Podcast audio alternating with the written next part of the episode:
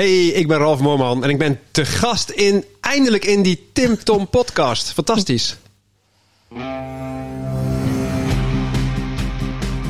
Welkom bij de Tim Tom podcast. Ik ben Timothy. En ik ben Tom. Samen zijn wij jouw GPS naar geluk en succes.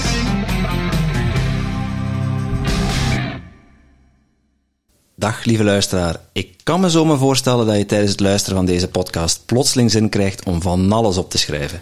Wat zou jij nu werkelijk willen met al die inspiratie en al die inspirerende gasten? Maar dat is nogthans helemaal niet nodig. Oeh, dat is niet nodig. Hé, hey, kan ik dat niet allemaal niet onthouden? En uh, wie gaat dat opschrijven voor mij? De kaboutertjes misschien? Nee, maar dat hebben wij al voor jou gedaan. Surf naar www.timtompodcast.com en daar vind je een blog boordevol tips en wijze inzichten van onze gast. En als je er dan toch bent, download dan meteen ons gratis e-book vol boekentips, luistertips en nog meer inspiratie voor jouw persoonlijke groei. Dag lieve luisteraars. Ja, prachtig uitzicht weer, hè, Tom? Ja, mooi. Vissen. Ja, ja. ja. We zitten uh, niet in de zee.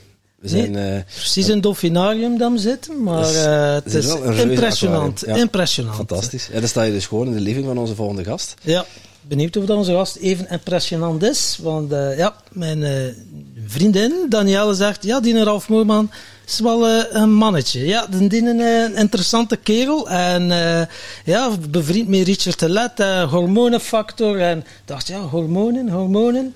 Um, dat zijn van die spuiten die je in je arm zet? Ja, ik dacht ook, oké, ik wil ook wat verbreden. Ik zeg, ik dacht, moet me maar even hebben. Ja, dat is uh, dus, en nu zitten we hier. Nou, een keer kijken of we nog een shot uh, uh, inspiratie kunnen krijgen. Voilà. Dag Ralf. Hey, kijk. Hallo. Welkom bij onze podcast. Super, het is leuk dat jullie bij mij zijn nu gezellig, met al jullie apparatuur. Ja. Leuk om jullie te leren kennen. Leuk om het over hormonen te hebben. Uh, ik hoor dat jullie uh, hormonen een associatie hebben eigenlijk met uh, anabole steroïden. Ja, of de koeienvlees, het rundervlees. Ja, ja, dat heeft zeker met hormonen te maken, maar het is natuurlijk een stuk breder. En mijn specialisatie is de invloed van leefstijl op je hormonale balans. Oké. Okay. Ja, want als hormonen uit balans uh, gaan, dan ja, kun je allerlei klachten en vervelende dingetjes krijgen. En het liefst heb je je hormonen te vriend. En daar kun je met leefstijl behoorlijk wat invloed op uitoefenen. Misschien een eerste vraagstuk, ja, voor onze luisteraars, maar misschien voor mij ook. Wat zijn hormonen nu eigenlijk precies? Ja, hormonen zijn hele interessante signaalstofjes in het lichaam. Die worden aangemaakt in hormoonklieren. Uh, en het doel daarvan is om ons in balans te houden, terwijl binnen ons en buiten ons van alles verandert. we hebben een bloeddruk die binnen bepaalde waarden blijft, een bloedsuiker die niet te hoog wordt en niet te laag. En hormonen die regelen dat allemaal feilloos, uh, zolang ze in balans zijn. Als dat niet zo is, dan kom je erachter dat je hormonen hebt. Ja, en, en dat zolang is vaak vervelend. Ja, zolang ze in balans zijn, zeg je. Ja. Uh, want ik vermoed dat de gemiddelde hormoonbalans van de moderne westerse mens niet helemaal tip-top in orde is. Nee, die staat behoorlijk onder druk. Want eigenlijk dat systeem is ontwikkeld op uh, ja, misschien wel een, een, een, op genen van duizenden jaren. Uh, en je merkt dat de leefstijl eh, totaal veranderd is. De voeding is totaal anders. Je merkt uh, de belasting met stress is anders. Uh, ook de basisbehoeftes in, in, mentaal is veranderd. Je beweegt minder. Ja, die hormonen die, zijn dat niet zo gewend. En op zich kunnen ze met alles omgaan. Stress, kortdurende stress, daar zijn ze op ontwikkeld. Kort sprintje, fight or flight reactie, dat soort dingen in de natuur. Maar chronische stress, dat is uh, best wel redelijk nieuw voor die hormonen. En als ze onder druk komen te staan, dan zie je dat ze ook uit balans kunnen raken. En dat geeft klachten. Wat zijn zo de bekendste hormonen? Ik denk nu zo, of het was ik dan bal volledig mis, zo cortisol of adrenaline of testosteron. Zijn dat allemaal hormonen of uh, zie ik dat nu helemaal verkeerd? Ja, dat zijn allemaal voorbeelden van hormonen. En misschien dat er wel ja, meer dan 100 in je lichaam circuleren. Alleen een aantal die zijn heel erg bekend. Daar weten we veel van. En we weten ook dat we ze kunnen beïnvloeden.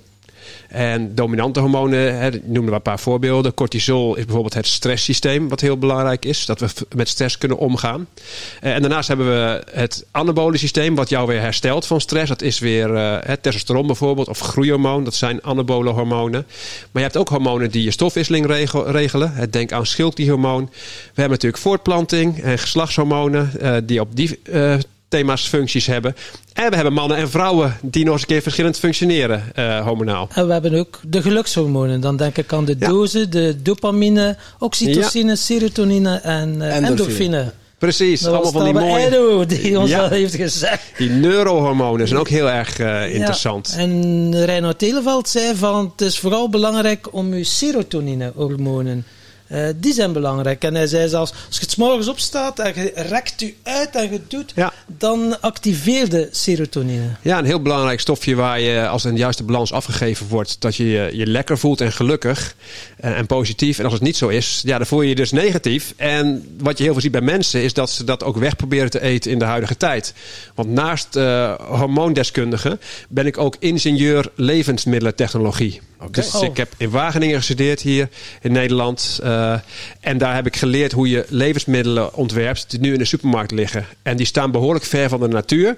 En een groot verschil is ook nog eens een keer dat die suiker-vet-zout combinaties ja, allerlei pretstoffen vrijmaken in je hoofd. Waardoor ja, mensen emo-eten eh, hebben uitgevonden.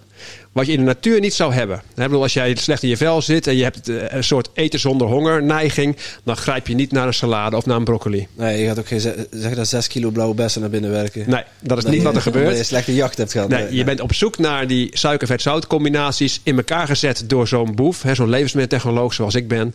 Eh, ja, waardoor je uiteindelijk eh, gaat eten zonder honger. En dat is ook een van de redenen waarom mensen ook overeten in deze tijd. Het eten is dus eigenlijk gemaakt om nog meer van te eten en niet per se Ja. om ons te voeden.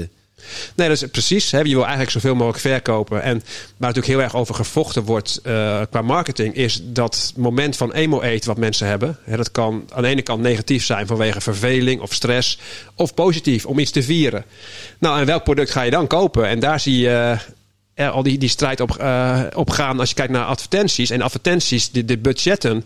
De groente- en fruitbranche in Nederland heeft bijna geen geld om dat te doen. Terwijl als je alleen maar het product Mars hebt, ja, die zit al hoger ongeveer dan die hele groente- en fruitbranche bij elkaar. Hè, Daar wordt het echte geld verdiend. Ja.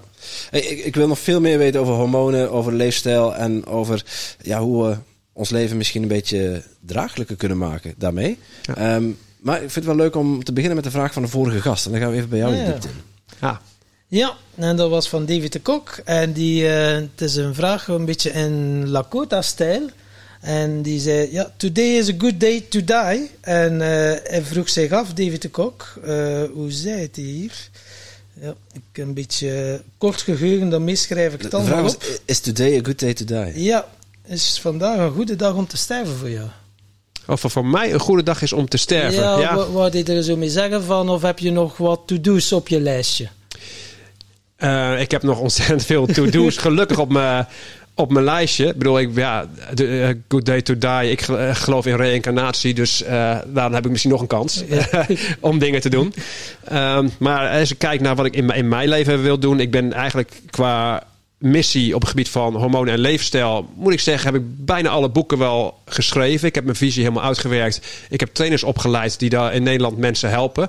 Nou, een volgende stap zou kunnen zijn dat het nog eventjes de grenzen overgaat. Ik ben blij dat jullie hier uit België zijn. Dat scheelt in ieder geval gaan een steentje bijdragen. al een klein stukje. Ik moet zeggen, er zijn wel wat trainers ook al in België.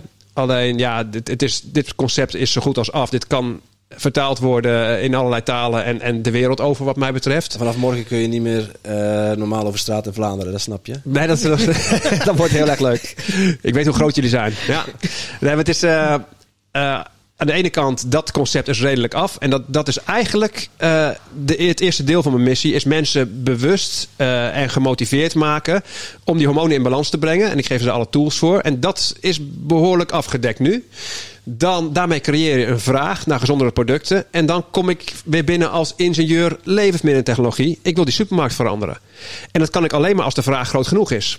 En intussen ben ik daar al een beetje mee begonnen. Ik heb een glutenvrij decembrood ontwikkeld wat in meerdere supermarkten eh, ligt. Dat is iets wat er nog niet was. En ik heb een eigen merk eh, ontwikkeld, Ralph Jane. Eh, en daar ben ik ook nieuwe producten mee op de markt gaan brengen. Om uiteindelijk dat spel makkelijker te maken. Want je hebt altijd twee krachten die spelen. Aan de ene kant de kennis en motivatie van de mens.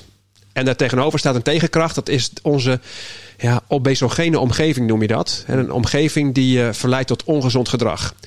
En aan de ene kant die mens sterker maken en gemotiveerd. Dat thema heb ik nu wel aardig afgekaderd. Alleen het makkelijker maken, het zwakker maken van de obesogene omgeving. Daar wil ik als technoloog ook mijn steentje bijdragen. En ik denk dat ik daar nog heel veel werk heb. Mhm. En, Dus eh, eh, zonde om nu te sterven. ja, ja, nog een missie. Ja. Heel veel werk. En eh, ja, dus dat betekent dat je wel al ermee aan de slag bent. En eh, hoe ver zit je al in dat werk? Nou, ik denk dat, dat, dat ik ben met, hè, aan de ene kant met het hormoonwerk al heel ver ben. Ehm, alleen nog een inter, internationaliseringsslag zou mooi zijn. En dan eh, dat andere sta ik eigenlijk nog redelijk aan het begin. Ja. En daarnaast heb ik nog een andere reden om vandaag niet te sterven. Het zou zonde zijn, want ik heb net een haartransplantatie gedaan. En het begint net een beetje uit te groeien na vier maanden. En daar wil ik nog wel even van genieten. Nee, niet voor niets door die hel. Ja, precies. Ja, wat pijnlijke bedoeling. Ja, nee, nou, eh, viel mee. Korte pijn, lang geluk. Hè. Zo, zo, Ja. zo werkt het meestal. Ja. En, eh, aanslaat, ja. Ja. En dan eh, ja, de supermarkten van de toekomst. Hoe zie jij die dan? Eh, ja, waarschijnlijk heb je er wel al een beeld bij. Ja, zeker. Ik, ik geloof echt niet dat eh, ik met alle eh, vakgenoten het voor elkaar ga krijgen om die supermarkt helemaal gezond te krijgen. Er zijn te grote belangen. Eh, alleen wat ik wel kan doen is alternatieve producten neerleggen. Waardoor de mensen die het anders willen, dat in ieder geval de alternatieven er zijn. En daar ben ik al heel blij. Dus eigenlijk, dat is een beetje mijn doel. Ik ga niet eh, als een soort dwerg tegen die reus vechten. Dat, dat, dat ga ik uiteindelijk nooit winnen. Die, die krachtens, dat krachtenspel dat is, dat is lastig. Alleen ik probeer gewoon binnen de huidige setting een weg te vinden voor mensen die het anders willen. En dan ben ik al heel blij. En eh, je zegt, dat doen we met, eh was het Ralph en Jane? Ja, Ralph Jane is een merk, maar eh, ik doe ook dingen die niet onder mijn eigen merk gaan. Gewoon wat je niet aan de buitenkant ziet. Dat is gewoon, gewoon met bedrijven praten die mij als een soort van devil's advocate inhuren om naar een product te kijken, kijken. En vervolgens leg ik ze uit waarom ze mensen zijn kwijtgeraakt. Bedrijf uit de voedsel, voedselindustrie. ja, dus waarom kopen ze je product niet? Nou, dan, ik heb ze natuurlijk allemaal opgestookt. Dan zeg ik hoe ik ze opgestookt heb. En hoe ze, als je het product zo aanpast, dan kopen ze het weer. Ja, dat is ook een leuke rol die je kan, eh, kan vervullen. En, en werk je dan voor eender welk bedrijf? Of voor juist de waardegedreven bedrijven die achter jouw eh product Nou, je, je merkt meestal dat zijn toch wel de, de bedrijven die al een eh, goede ethiek hebben op dit vlak. Eh, de hele grote spelers, die hebben we nog niet echt gevonden. Nee. Hebben er, zijn natuurlijk, er zijn heel veel kleinere bedrijven die willen deze niche toch wel gaan bedienen. Dus, dus alleen die niche wordt steeds groter. En, en daarom zie je ook dat de grote merken willen ook andere producten ontwikkelen die hierbij passen. Maar het is meestal wat ik noem window dressing. Het lijkt van de buitenkant alsof het gezond is. Maar ja, ik prik er natuurlijk zo doorheen. En dat doe ik ook. Ik heb ook zo'n boek, De Boodschappencoach. Waar ik de supermarkt helemaal uit elkaar trek. En eh, ja, dan kom je niet weg met window dressing. Ah, leuk. Ja. Boodschappencoach. Ja. Dan ga je met, met iemand eh, de winkel in. Ja, in principe, ik heb daar een boekje voor gemaakt. Maar ik heb ook eh, in Nederland coaches opgeleid. En dat, dat noem ik dan de supermarkt safari. Ja, dat je langs, langs alle verleidingen en verlokkingen als gids geleid wordt. Niet door een gids geleid wordt. En ja, dat, dat kunnen ze ook doen. En veel van mijn trainers die doen die rondleiding ook. Hè. Dus aan de ene kant ben je natuurlijk een voedingsconsult aan het geven. Maar het is leuk als je daar komt. We gaan even, even de supermarkt nog in. Ga even kijken wat jij normaal gesproken koopt en waarom. En misschien dat het, we daar wat stappen kunnen zetten. Ja. Dan vraag ik me af. Duik je rechtstreeks groenterekken in. ja. Nou, dat, dat is een van de dingen. Maar ook, hè, ook binnen de dingen die je vaak koopt, die wat bewerkter zijn, heb je ook betere alternatieven vaak nog liggen. En je bent natuurlijk vooral bezig met dingen die mensen vaak doen. En niet de uitzonderingsproducten. Want ik ben niet een of andere ja, persoon die een soort couveuse baby van je wil maken, waarbij je nooit slechte belastingen mag krijgen. Zonder nee. voeding. Ja, ja. Nee, nee daar, daar geloof ik helemaal niet in. Het gaat er mij mij gewoon om dat mensen een goed gemiddelde gaan draaien. En, en dat begint eigenlijk door jezelf de spiegel voor te zetten van je afgelopen jaar bijvoorbeeld. Hè. Wat, wat doe je gemiddeld en waar kun je het meest winnen? En daar gaan we oplossingen voor bedenken. Hè, dit ik krijg vaak hele moeilijke vragen over de diepste details over voeding. Terwijl iemand echt nog zulke grote fouten maakt in de voeding, dan denk ik, laat die details alsjeblieft zitten. Ja. Tom vroeg zich nog iets af. Ja, eh, geldt dat ook voor iedereen gezonde voeding? Wat dat voor de ene gezond kan zijn, kan voor de andere Ja. misschien minder gezond zijn. Absoluut. Nee, we moeten echt naar maatwerk toe. Hè, Vroeger werden we allemaal een beetje over één kam geschoren. Toen eh, ging je ook met een soort rekenapparaat doorrekenen of er voldoende stoffen in voeding zaten. Dat noem je nutritionisme. Nou, in principe die vorm van wetenschap is wel een beetje achterhaald. Er zijn nog steeds wat oude professoren die nog steeds dat stofjesdenken blijven propageren. Maar je merkt de nieuwere eh, groep wetenschappers gaat veel meer denken eh, naar, naar, naar maatwerk. Hè, de personalized nutrition. Hè, wat kun je als persoon goed verteren en verdragen? En hè, dat is, er kunnen er wel voldoende stoffen in zitten als je de voeding doorrekent. Maar als het voedingsmiddel niet bij je past, dan lok je je immuunsysteem uit. eh, je opname van stoffen wordt minder. En dan gaat het nog niet goed. Nu vraag ik me af, ja, mensen die dat nu horen, waaronder ik of luisteraars, die zeggen, ja, nu wil ik er echt komaf mee maken, nu wil ik echt gezond gaan leven en zien welke voedingsstoffen passen bij mij. welke stappen moet je zetten om te weten dat past bij mij dan niet? Uh, welke Ja. onderzoeken moet je laten doen of uh, waar kan je terecht? Of zo? Nou, ik vind het heel belangrijk dat je er nog een stap voor maakt. Uh, is, hè, iemand, mensen denken vaak wel, ik wil het vanaf morgen veranderen. Maar zijn ze wel echt gemotiveerd? En wat heb je er echt voor over? Dus ga eens goed nadenken van, oké, wie wil ik zijn over, uh, over een jaar? Hm. En, en dat is belangrijk dat, je goed, dat, het, dat het plaatje mooi genoeg is. Hè? Dus je hebt aan de ene kant, waarom, waarom worden mensen gemotiveerd? Uh, door pijn vermijden, als ze pijn willen vermijden of als ze een bepaald belang nastreven. En meestal, wat ik meemaak, is dat het om pijn vermijden gaat. Pain and pleasure. Dus ze hebben of in het hier en nu al, de klacht is groot genoeg, dus de pijn is groot genoeg, waardoor ze nu willen veranderen. Um, en vanuit preventie, dat is misschien maar een paar procent. Die er nergens last van hebben en toch willen verbeteren. Dat zie je eigenlijk bijna nergens. Ik ben zelf toevallig wel zo'n persoon, maar ik ben een uh, val in de uit, uitzonderingsgroep. En belangrijk is, als de mensen die, die, die de klacht hebben, dan kun je misschien nog wel vergroten. Door te kijken van, stel je voor dat het nog erger wordt. Dan kun je de pijn vergroten. Of stel je voor, hoe zou je leven eruit zien wanneer je van de klacht afkomt? Nou ja, ja. dat plaatje probeer je... Aan de ene kant wil je een heel mooi plaatje hebben. En ook een heel negatief plaatje als je het niet verandert. Ja. Nou, dat is uiteindelijk de motivatie om te gaan veranderen. Dan kom je er een beetje achter. Ja, hoeveel heb ik ervoor over? Dat is natuurlijk heel belangrijk. Natuurlijk, een paar weken iets perfect doen heeft geen zin. Wat heb je ervoor over om de komende tien jaar te gaan doen? Dat is natuurlijk veel interessanter. En vanaf daar ga je naar je langetermijnsgemiddelde kijken. Jezelf de spiegel voorzetten. En eens even goed kijken, wat zijn nou mijn persoonlijke valkuilen? En dat doen mensen vaak niet. Mensen kijken eerst niet naar motivatie. Die denken gewoon, oké, wat ik in het verleden gedaan heb... boeit niet, morgen doe ik het anders. En meestal is dat een moment waarop je net even minder druk op je werk hebt. En dit is zo'n ideaal moment. En je Ja. denkt van, oké... hè, Even dan- zo'n zo'n tussenpauze Ja, tussen, tussen de rush. Ik weet precies, over anderhalve week, die maandag ga ik beginnen. Omdat ik dan rustig... race, als, het, als, het als het ratje even stilstaat. Ja, precies. En dan, dan, dan is eigenlijk de vraag van... Goh, heb je dan de rest van je leven nooit meer druk? Ja. Nee, het gaat erom, je moet iets bedenken... door jezelf goed te analyseren... eh, wat het dichtst bij je oude leefstijl ligt... en wat het meeste resultaat oplevert. Hoe kleiner de stap, hoe groter de kans dat je, dat je het volhoudt. Ja. Ja, en, en ergens eh, moet je jezelf ook bewust van zijn wat, wat, wat voor triggers er zit, zitten in je leven. Ja. En je zegt motivatie, oké, ja, je kunt je ergens bewust zijn van het effect van gezonde voeding en nog steeds wel ergens craving hebben naar, eh, naar chocolade of naar zoet. Tuurlijk, of naar dat zal altijd blijven. zout We kunnen die obesogene omgeving niet weghalen. Hè? Of, of, je, of je moet je voeding door een luikje aangegeven krijgen. dat, dat is evolutionair ingegeven en wij, wij zijn echt ja. biased om ja, zout eten en zoet eten op te zoeken. ja, maar dat lukt je ook niet in de natuur, hè, bijna. Ik bedoel, je bent er wel op, op, op ontwikkeld, maar ja, probeer maar eens zoet te vinden.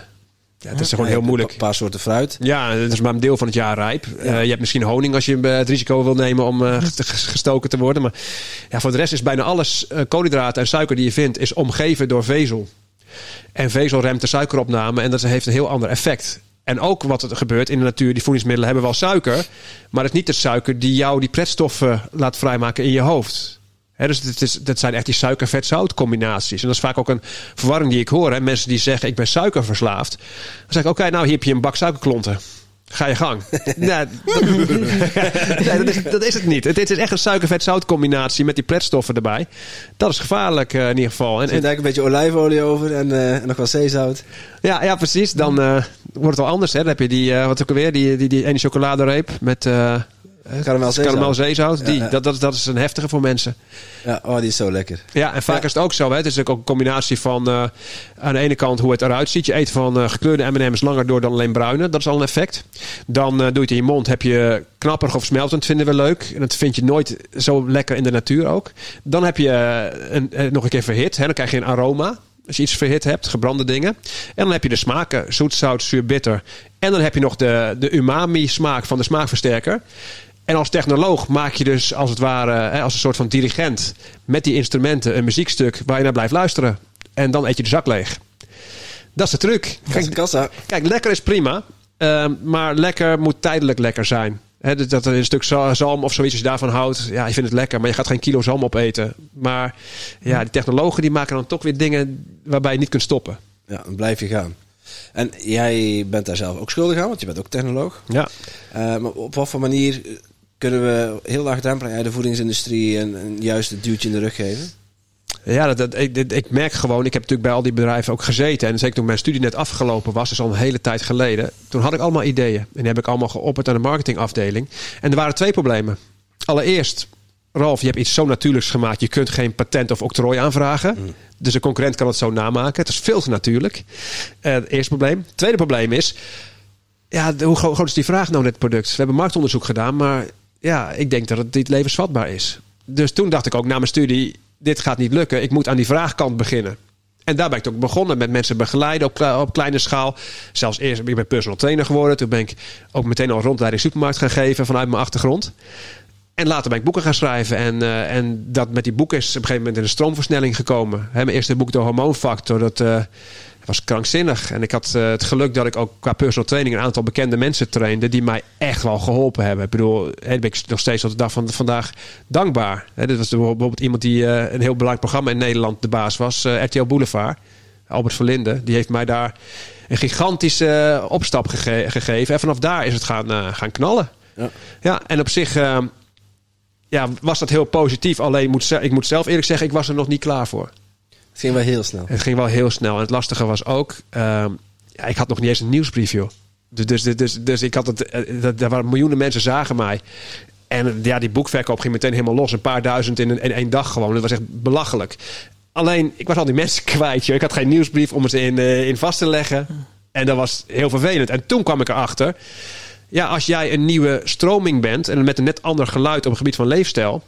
Wat doet media? Ja, je moet vervolgens gaan polariseren. Dus dan ga je de meest ouderwetse professor erbij halen. eh, Die laat je het afkraken. En dan ga je natuurlijk tegen elkaar uitspelen. En vervolgens krijg je ook allerlei mensen die dachten... hé, hey, Ralf Moorman, ja hallo. eh, de conculega's, die denken, die komt met een nieuw geluid. Ik heb het altijd puur over calorieën... en niet vanaf, vanaf hormonen praten. Ja, dit is vijandig. Dus ik kreeg ook in één keer allemaal negatieve blogs. En eh, nou, ik, ik, ik, ik was er eigenlijk helemaal niet klaar voor, joh, al die negativiteit. Dus je schrik je kapot. Je denkt in het begin... Nou, ik ben in de media. Ze zullen wel echt wel leuk vinden de- wat ik doe. En toen kwam ik achter dat ik uitgespeeld werd. Nou, en toen heb ik psychologisch toch wel eventjes eh, een knauw gekregen op dat moment, hoor. Moet ik wel ja, zeggen. dat was echt wel is een echt klop. eh, echt wel... ja, dan de hulpverschillen moeten zoeken. Of, zo erg dat je echt wel werd afgekraakt. die- Afgekraakt, maar, maar ook bijna het gevoel dat je, dat je in je inbox bedreigingen krijgt. Van Ralf, je komt hier met een verhaal aan en, en je, hebt, je hebt een slechte intentie en dit en dat. En ik denk, hè? Ik wil alleen maar mensen helpen. En ik, ik, ik, ik deel mijn visie. Daar moeten mensen toch blij mee zijn. Ik vind het prima om, om, om hè, te discussiëren. Maar ik kan er ook achter, als je discussie aangaat... het gaat helemaal niet om een waarheidsbevinding... en samen van elkaar leren. Het is puur, je bent een vijand, die moet kapot gemaakt worden. En, en, en dat, dat, dat lastige is, toen kwam ik er ook achter...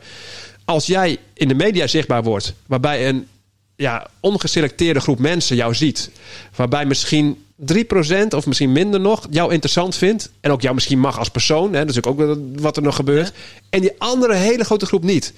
ja, dan krijg je gewoon een bel in je nek. Dat weet je gewoon eigenlijk van tevoren. En dan moet je op voorbereid zijn en bestendig tegen zijn... En ik ben erachter gekomen dat dat een vervelend iets is als je echt in de media bent. En wat later kwam, met die paar procent die mijn boeken kochten en, en weet ik veel wat. Vanaf daar ben ik gaan bouwen met een eigen community. En dan heb je natuurlijk weer eh, mond-tot-mond reclame. Mensen gelijkgestemden komen bij elkaar. En dan wordt het in één keer warm. En dan denk je, hey, dit is wel heel erg leuk. Ja. Dus ik heb in het begin ben ik gigantisch geschrokken. En later heb ik dat opgepakt en, en heb ik wel geleerd dat ja, media leuk is om een eerste startschot te geven. Maar eigenlijk is het eh, gigantisch verziekend. En hoe ga je nu om met negativiteit? Met alle lessen die je mogen leren hebt? eh?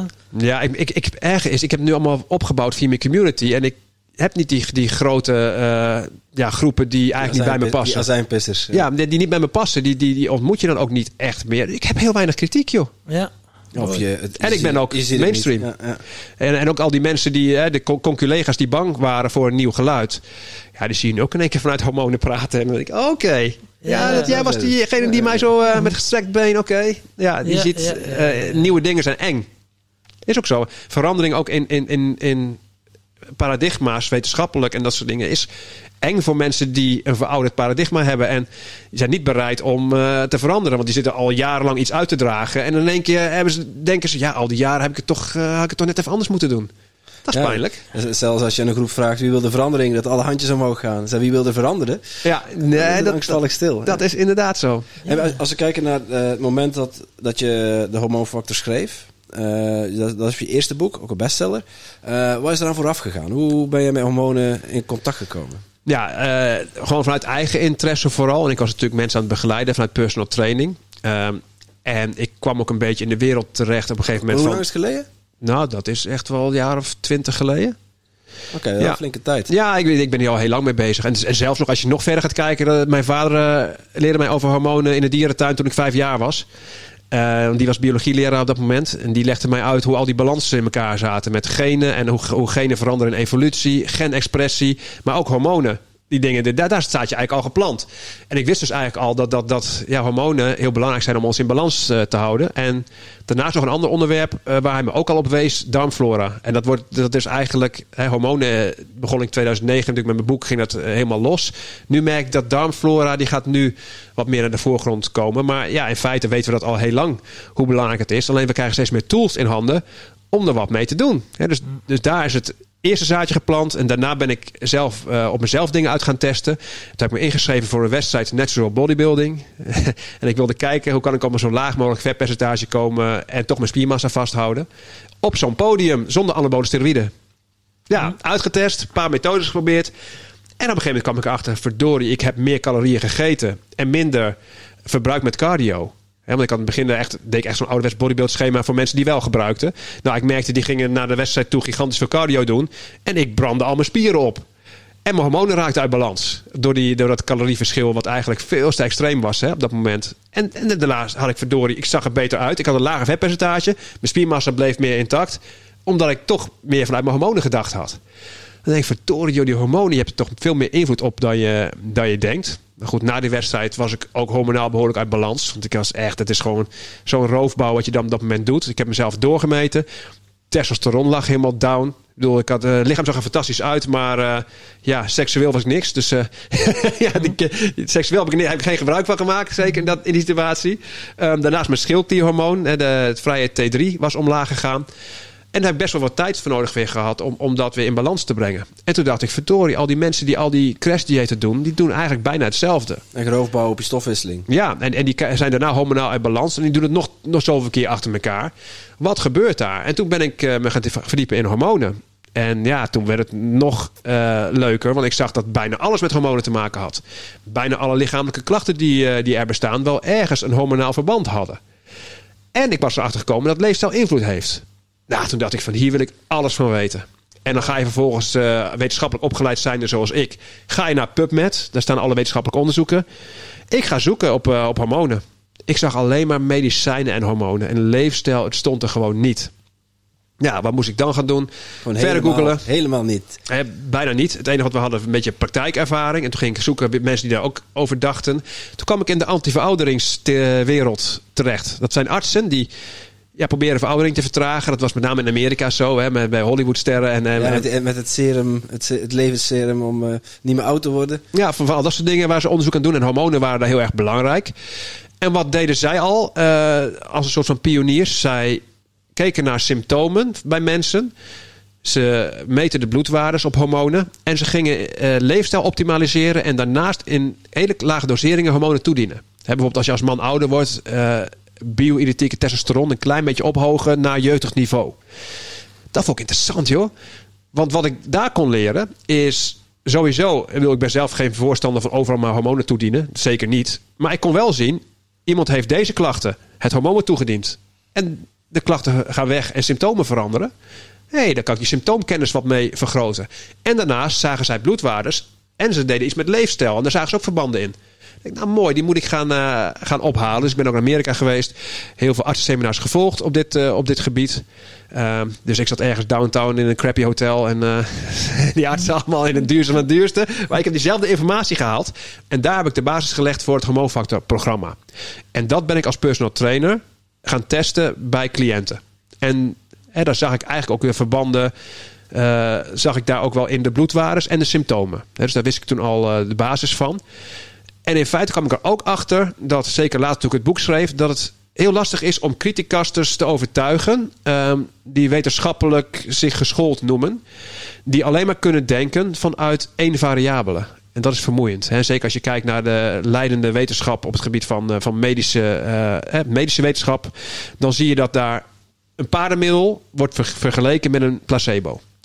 En als het beter is dan placebo, dan is het bewezen goed. En zo kijken ze ook naar leefstijl, dat soort mensen. Die kijken als ik nou een, ik, ik draai in leefstijl misschien wat aan, aan tien knoppen in een maatwerkprogramma bij mensen. En zij willen het effect van één knop op een grote groep mensen hebben. Ja, het, het, uniform. Ja. Voor iedereen. Dat is echt dat, dat is niet te bewijzen. Maar ik weet wel wetenschappelijk dat ik kan aantonen dat in een maatwerkprogramma eh, vanuit voeding, training, stress en mentaal eh, alles fijn- fine-tunen, dat hormonen daar goed op reageren. Nou goed, en dat wat ik toen inderdaad deed, mijn methode heb ik uiteindelijk in een boek geschreven. Dat is de hormoonfactor geworden. Ja. Nou, mooi verhaal hoor. Ja, Hey, en ik ben wel benieuwd. Je zei net eh, hormonen. Eh, je hebt er meer invloed op dan je denkt. Kun je, kun je dat toelichten? Ja, in feite, ja, ik zei net al, als je logisch denkt vanuit hormonen, dan ga je denken aan de natuur waarop ze ontwikkeld zijn duizenden jaren geleden. Hè, En, en in feite, er zijn ook stromingen uitgekomen die daar best wel fanatiek in zijn. Hè. Je hebt de oerdieetstroming en dat soort eh, dingen zijn er ook wel ontstaan. Ehm, ik zelf eh, denk ook een beetje logisch. Hè? En ik pak meerdere thema's mee. Voeding. Ja, ik wil dat meer dicht naar de natuur brengen. Ehm, dan heb je eh, training. Kort en intensief bewegen is iets eh, natuurlijks. En in principe, ja, marathons lopen en zo kan je hormonen ook ondermijnen. Dus dat is ook weer een nadeel wat als je te veel doet. Dan heb je stress. Dat de kortdurende stress en kortdurende uitdagingen zijn fantastisch. Maar chronische stress, dat is niet de bedoeling. Dat, dat, eh, dat is echt een thema wat je hormoon uit balans trekt. Maar ook mentale invloeden. Hè? Je had het over die, eh, de stofjes in je hoofd, de, de neurohormonen. Ja, als je kijkt dat, eh, dat er mentaal van alles niet vervuld is hè, qua be- behoeftes in je leven. Als je te veel controle hebt, te weinig uitdaging, dat die balans verstoord hebt. Hè? De Anthony Robbins dingetjes allemaal. Ja, als je te weinig zingeving hebt, als je niet leert en groeit. Dat soort dingen. Ja, dat kan je ook hormonaal gigantisch uit balans brengen. Vanuit je hersenen weer. Het, het, het werkt allemaal met elkaar samen. En het is een heel mooi systeem. Zenuwstelsel, hormoonstelsel en die koppeling. Dat, dat is geniaal. Maar, Eh, zeg maar. Oké, doe maar. Ja, ik, ik wou ook zeggen van, ik kan me voorstellen, heel veel luisteraars, ik zelf ook, ben ook schuldig, eh, hebben last met een, met een energieniveau. Om dat, om dat een beetje op peil te houden. Eh, om, ik denk dat, dat daar ook, als ik jou zo hoor, een hele belangrijke eh, Gigantisch. factor ligt bij hormonen en hoe je, hoe je hormoonbalans in elkaar zit. Ehm, maar mensen die, die vaak futloos zijn, geen energie hebben of, of ja, eerder een drang hebben naar, hè, wat je net zei, zout-sulfet combinaties. Ja. Eh, wat voor tips kun je aan hun meegeven om, om heel laagdrempelig al een, een grote verandering te brengen? Ja, het, het is, het is heel erg moeilijk hè, om, om het thema energie en, moe zijn. Ik denk als je naar een huisarts gaat, die krijgt iedere dag de vraag: Ik ben zo moe, dokter, wat moet ik doen? Ja, dan, dan, dan begin je met een gigantische helikopterview op heel veel dingen. Wat mogelijk oorzaken kunnen zijn. Ehm, ik heb natuurlijk thema's voeding, training, stress, mentaal. En als je kijkt naar eh, voeding, wat ik daar zie als, meest, eh, als grootste energieondermijners. ehm er zijn eigenlijk twee dingen. Dat is bloedsuiker die, niet stabiel is. Veel mensen hebben last van bloedsuikerschommelingen omdat ze insulineresistent zijn. Dat is een, een thema. Veel mensen die ongezond leven, overgewicht krijgen, die krijgen steeds meer moeite met het stabiliseren van hun bloedsuiker. In die dip ben je vervolgens moe. Dat is natuurlijk ook iets eh, waar je wat mee kunt. Daarnaast misschien nog wel een grotere is dat heel veel mensen dingen eten die ze niet goed verteren en verdragen. Waardoor het immuunsysteem geactiveerd wordt.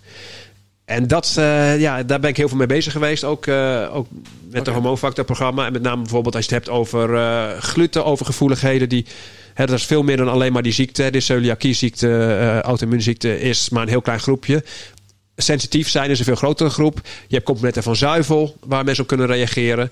Ja, en ook heel veel andere persoonlijke overgevoeligheden. En dat is een zoektocht voor mensen om, om daar hun energievreters uit hun voeding te halen. Dat zijn twee dingen. En dan ga, dan ga je natuurlijk naar het thema eh, bewegen en trainen. Als iemand geen conditie heeft, is ook niet handig. Hè, dus daar kun je wat dingen, dingen winnen.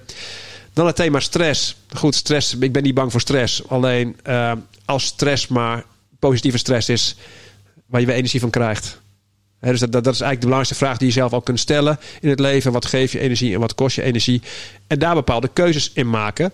Ja, en da- dan ben je al een beetje vanuit helikopterview wat dingen aan het veranderen. En dan is de vraag bij jou van waar reageer jij op? En ja, als je bij een huisarts komt, die gaat weer anders kijken. Die gaat misschien wel naar bepaalde oorzaken kijken in vitamines. Hè, vitamine B12 tekort of ijzertekort, bloedarmoede. Dat soort dingen kunnen spe- spelen. Of je gaat de schildklier onderzoeken. Ook daar zou je eh, ja, een trage schildklier kunnen hebben.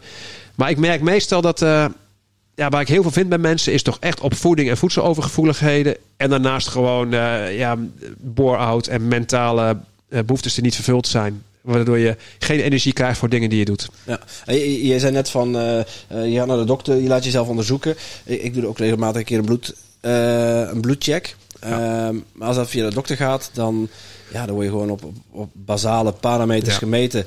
Je witte bloedlichaampjes, je, je rode bloedlichaampjes, zuurstofopname, eh, vitaminegehalte. Maar ik heb op die formuliertjes nog nooit heel uitge... Ja, misschien een paar hormonen die, waar getest op wordt. Ja. Eh, van, van de schildklier of zo. Maar voor de rest staat er heel weinig op. Ja, dat klopt. En, en, natuurlijk een arts is ook op zoek naar dingen waar hij wat mee kan. Die is op zoek naar medische problemen. Eh, en natuurlijk bestaan er ook hormonale problemen. Schildklier wordt het meest onderzocht eigenlijk. Uh, testosterontekort en zo, waardoor je ook eh, bijvoorbeeld energiegebrek en, en passiegebrek kunt hebben. Ja, dat wordt eigenlijk pas eh, eh, onderzocht als iemand echt heftig aan toe is. Alleen zijn natuurlijk ook artsen, als ik kijk naar dat antiverouderingsverhaal in Amerika, ja, die kijken ook heel anders naar bloedwaardes. Die, die halen de buitenste kwarten van de referentiewaarde er sowieso af. En die gaan op zoek naar optimalisatie. En dat is natuurlijk niet wat een, een arts uh, hier in Nederland of België doet. Die gaat op zoek naar ziektes. Dus waar kan je eigenlijk terecht? Mensen die nu horen van, ja, ik wil hier echt wel uh, aan beginnen, maar ik wil ja. wel weten, uh, mijn energievreters op gebied van eten, waar kan ik tegen, waar kan ik niet tegen? Wat onderzoek moet je laten doen? Is ja. dat gewoon bloed trekken? En, uh, ja, dat, dat, zou zo mooi zijn als je alles zou kunnen meten. Hè? Dat, dat zou toch wel heerlijk zijn. Maar het, het, het is in de praktijk toch anders. Meestal ben je ook aan het zoeken uh, in gesprekken met mensen naar, naar oorzaken. En vervolgens ga je ook dingen uitproberen. Trial and error. Als je bepaalde dingen gaat veranderen. Dit geeft me energie, dat kost me energie. En je gaat keuzes maken. En denk hey, ik knap helemaal op. Dat zou inderdaad kunnen. En natuurlijk kun je als voedingscoach wel kijken als iemand uh, ja, veganistisch eet en geen B12 neemt. Ja, dan is het uh, wel een thema waar je misschien een extra onderzoekje voor, voor gaat doen.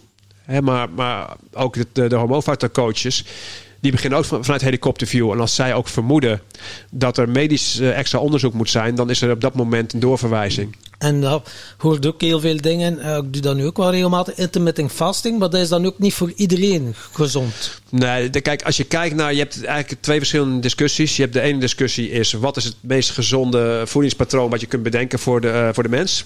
Hm. Dat is de ene discussie. De andere discussie is, wat is een, is een voedingspatroon in de huidige wereld waarin we leven, waarop mensen waarschijnlijk uh, ja, het, het meer dan tien jaar volhouden.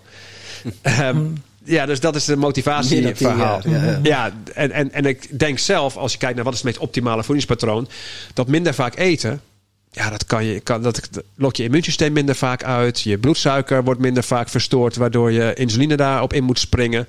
Ik denk dat dat de meest uh, optimale manier van eten is. Alleen als je het andere thema erbij uh, pakt, als jij één of twee keer per dag gaat eten en je omgeving doet dat drie à vier keer per dag, dan, dan wijk je al af, waardoor het moeilijker wordt. Ja, en het kan ook zo zijn dat je net die persoon bent die daar heel veel tijd voor nodig heeft om aan te wennen. Want het kan ook zijn dat je niet goed omgaat met, uh, met als je een tijdje niet eet, dat je dan zagrijnig wordt. En, en ja, dat je dan. Dat, dat is ook niet. Hangry. Ja, dus het is de vraag voor, voor wie is dit uiteindelijk uh, handig? He, dus je hebt aan de ene kant heb je, je kunt denken vanuit optimale voedingspatronen en leefstijlen. Maar ik denk vooral vanuit haalbare leefstijl voor de persoon die voor me zit. En die persoon gaat eerst zichzelf analyseren van het afgelopen half jaar. Eerst de grootste valkuilen aanpakken. Voordat je denkt van ik ga een boek lezen en cold turkey van het ene uiterste naar het andere uiterste. Want ja, op de lange termijn helpt dat niet. En je, het brengt je lichaam ook nog eens een keer in, in een gigantische shock. Hè? Ja. En het bewegen inderdaad, nu hoor je ook wel uh, zo, dat is ook wel hip aan het worden. Tabata. Ze zeggen dat is veel ja. beter dan dat je bijvoorbeeld een uur en een half gewoon gaat hardlopen. Tabata, die korte inspanningen. Ja, en kort, leg, leg je uit wat Tabata is, Tom? Ja, ze zo oefeningen uh, dat je 20 seconden uh, ja, vol een bak iets doet. Uh, zijn push-ups of, ja, ja. en dan 10 seconden rust. En dat doe je 4 minuten. Ja, dat is dezelfde discussie. Wat is de optimale manier van trainen? Dan denk ik dat je dit soort intensieve sessies geweldig zijn. Hè? Je hebt ook in Nederland is heel populair, is misschien bij jullie ook CrossFit. Ja. He, dus CrossFit, dat is een hele heftige manier van trainen. Vaak zie je ook dat de gemiddelde groep die meedoet is leeftijd student ongeveer, die, dat, uh, die daar vol voor gaat en er bijna er echt voor, voor leeft. Ik denk dat het fantastisch is. Je wordt zo ontzettend op alle vlakken uitgedaald. Je wordt eigenlijk overal goed in. Je hebt zowel een conditie als kracht, als spiermassa, uh, als je het op de juiste manier in, uh, inricht. Ik denk dat het optimaal is. En hetzelfde geldt ook voor het Tabata-protocol. Het is een hele efficiënte manier om hormonaal ook je testosteron te prikkelen en je groeihormoon. Groeihormoon reageert wat meer op verzurende training. Maar hoe leuk vind jij Tabata? Ja, ik vind er geen zak aan. nee, kijk, dat, dat, het gaat er ook om, wat ga je volhouden en, en, en de komende tien jaar doen? Ja. En, en dan merk ik dat heel veel mensen die een hormoon willen optimaliseren en, en de spiermassa willen toe, laten toenemen, testosteron boost en groeihormoon, dat die toch het leukste vinden om in de sportschool gewoon wat, wat, wat bodybuild-achtige krachttraining te doen omdat ze daar niet tegenop zien. Terwijl als ze gaan crossfitten, denken van... oh, ik ga zo meteen lig ik weer half kotsend langs, die, langs, die, langs de lijn daar. En, en dan... Ja, het gaat er ook om dat, of je iets leuk genoeg vindt en, en de drempel niet te hoog is. Ja, ja, ja wat bijvoorbeeld hardlopen. Ja, nu is het al even geleden, maar normaal gezien ging ik toch twee, drie keren in de week ja. 10 kilometer lopen. Maar dan zeggen, ja, dan voel ik ook, is belangrijk dat je een keer op een rustige manier loopt, maar dat je dan ook af en toe met interval werkt. Ja, want, en dat is het grote verschil tussen bewegen en trainen. Jij was die 10 kilometer drie keer per week al gewend. En in feite ga je niet over een grens heen. Dus je wordt niet beter. En als je beter wil worden, dan moet je sneller gaan, uh, intensiever gaan. Alleen dat kun je niet doen door te zeggen: ik ga tien, uh, drie keer per week 10 kilometer mijn record verbeteren. Nee, dan ga je die 10 kilometer een beetje opsplitsen in wat versnellingen, uh, interval. En zo kun je wel trainen. Dus in feite was je al die, al die tijd vooral aan het bewegen en niet, en niet aan het trainen. dat is eigenlijk het grote verschil. En als je hormonaal kijkt naar hardlopen, het nadeel van hardlopen. Um, is weer dat je spiermassa afbreekt. En eigenlijk dat het meer op het stresshormoon cortisol zit. Uh, en, en je, je anabole hormonen, groeihormoon en testosteron daar een negatieve impact van kunnen krijgen. Zeker als je echt verder gaat dan 10 kilometer. Maar dat, dat, dan denk je vanuit wat is het eh, beste om te doen. Maar vervolgens denk ik, ja, we kunnen alleen vanuit je hormonen kijken en spiermassa en dat soort dingen. Maar er zijn heel veel mensen die ja, zich fantastisch mentaal gaan voelen door eventjes eh, puur met hardlopen bezig te zijn. Niet al die rompslomp aan je hoofd te hebben. En als je dan vervolgens zegt, ga niet hardlopen. Ja, dan, dan, gooi je vervolgens hè, het kind met badwater weg. En, en ik denk van ja, je moet voor die persoon echt een maatwerkanalyse maken. En uiteindelijk dat die gemiddeld gelukkig en, en, en voldoende in shape is volgens het eigen compromis wat je kiest. Je, je, bepaalt zelf hoe ver je wil gaan. Nu natuurlijk, ja, we zitten niet met een expert. Hoe ziet er jouw ochtendroutine uit? Of, of uh, routineweek? Hoe hou jij je fit en gezond? Van, uh, laten we beginnen met uh, op het gebied van voeding. Hoe ziet er jouw voedingspatroon Nou, kijk, hè, sowieso allereerst disclaimer. Wat ik doe, wil niet zeggen dat het voor een ander goed is. Het is allemaal anders per persoon. ik zit in een, een, een voedingsschema ehm, waarbij ik drie maaltijden heb. En misschien een tussendoortje ergens op een drukke dag, zo om half vier s middags. Hangt er net vanaf hoe mijn activiteit is. En ik eet zo ontzettend simpel. Ja, het klinkt heel lullig als reclame, maar ik eet twee keer mijn eigen. S ochtends en s middags. En daar varieer ik in, uh, in belegsoorten uh, in. Ik drink eigenlijk uh, s morgens wel een bak, bak koffie zwart. En daarnaast water. en in de avond ja, dan ga ik op de avondmaaltijd best wel los. En wat ik heel belangrijk vind is dat ik in ieder geval iedere dag uh, minstens drie ons groente in die avondmaaltijd heb zitten. Dat is voor mij een, uh, een thema. Um, koolhydraten heb ik daar zeker ook in zitten. Ik ben niet iemand die koolhydraatarm eet. Alleen de koolhydraten die ik eet, die zijn vezelrijk. He, dus dat, Geen witte koolhydraten. Nee, in principe niet. Wat zijn vezelrijke koolhydraten? Uh, ja, dus die zijn dus, uh, wat de industrie doet, is koolhydraten vormen, daar de vezels van onttrekken. Dat noem je raffineren. Waardoor ja, mensen witte rijst bijvoorbeeld misschien lekkerder vinden dan zilvliesrijst. Alleen je mist de vezels. En ik kies meestal voor vezelrijke variant, omdat er natuurlijk heel veel voedingswaarde ook in die vezels zit. Goed voor de darmflora, dat soort uh, zaken. Maar ook je bloedsuiker minder verstoord wordt. Nou goed, ik, het voelt verzadigender voor mij. Waardoor ik niet minder loop te snaaien. Dat is sowieso belangrijk. En ik eet uh, zowel vis als vlees als kip. Uh, ik ben niet veganistisch of vegetarisch uh, op dat vlak. En wat ik gewoon probeer is een goed lange termijnsgemiddelde te draaien. Waarbij ik moet zeggen, hè, dat, dat verhoudt zich altijd met je motivatie. Dat ik in de zomer net een paar kilo lichter ben als het strandseizoen er is dan in de winter. Oké, maar ja, je eet vrij veel, maar dat betekent ook dat je vrij veel gaat bewegen. Ja. Om, ja, wat, uh, ja, mensen die dat nu horen, oh, we mogen alles eten wat dat in een half doet. Lekker drie, vier keer per dag. Maar als ze dan in een luie zetel blijven zitten, dan zal het toch ook, dan ga je toch niet vet en Ik moet wel zeggen dat je met, met training uh, eigenlijk niet zo gigantisch veel energie kunt gebruiken hè, zelf. Dus als je zegt, ik ga drie keer in de week naar de sportschool ik vind het niet zo interessant wat jij aan calorieën verbruikt tijdens je training.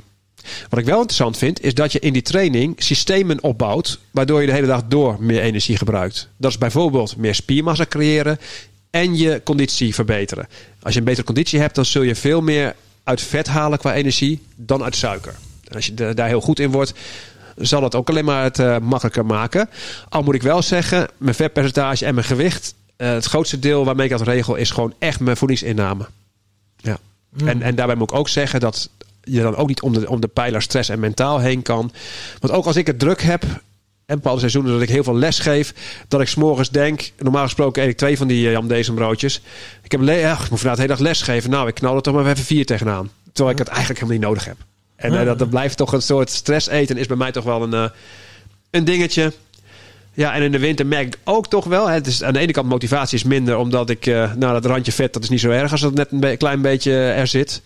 Ehm, ik merk ook dat door donkere dagen en dat soort dingen, dat, dat ik toch zo'n neiging heb, de suiker-vet-zout combinaties, die mij dan ook wat meer aan gaan trekken. Dus dat is dan eigenlijk wel grappig. Dus Ja. je bent expert, je weet het. In principe is het niet goed voor me, maar toch Nee. kan je de verleiding niet weerstaan. Nee, dus dat is heel erg belangrijk om te beseffen dat kennis maar een heel klein deel is van het verhaal. Eh, Ik, ik geef lezingen voor voedingsexperts en dan kijk ik in die zaal dan zie ik, ja, misschien dat de helft in shape is. Dan denk je, ja, je weet alles. Maar ook zij leven in die verleidende omgeving en het is voor iedereen moeilijk.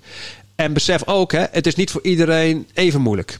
Als jouw hormonen uit balans zijn, of als jij je darmflora op, een bepaalde manier is ingesteld, of je hebt een bepaalde relatie met voeding in het verleden opgebouwd, dan heb jij het veel moeilijker dan iemand die daar veel minder lading op heeft liggen.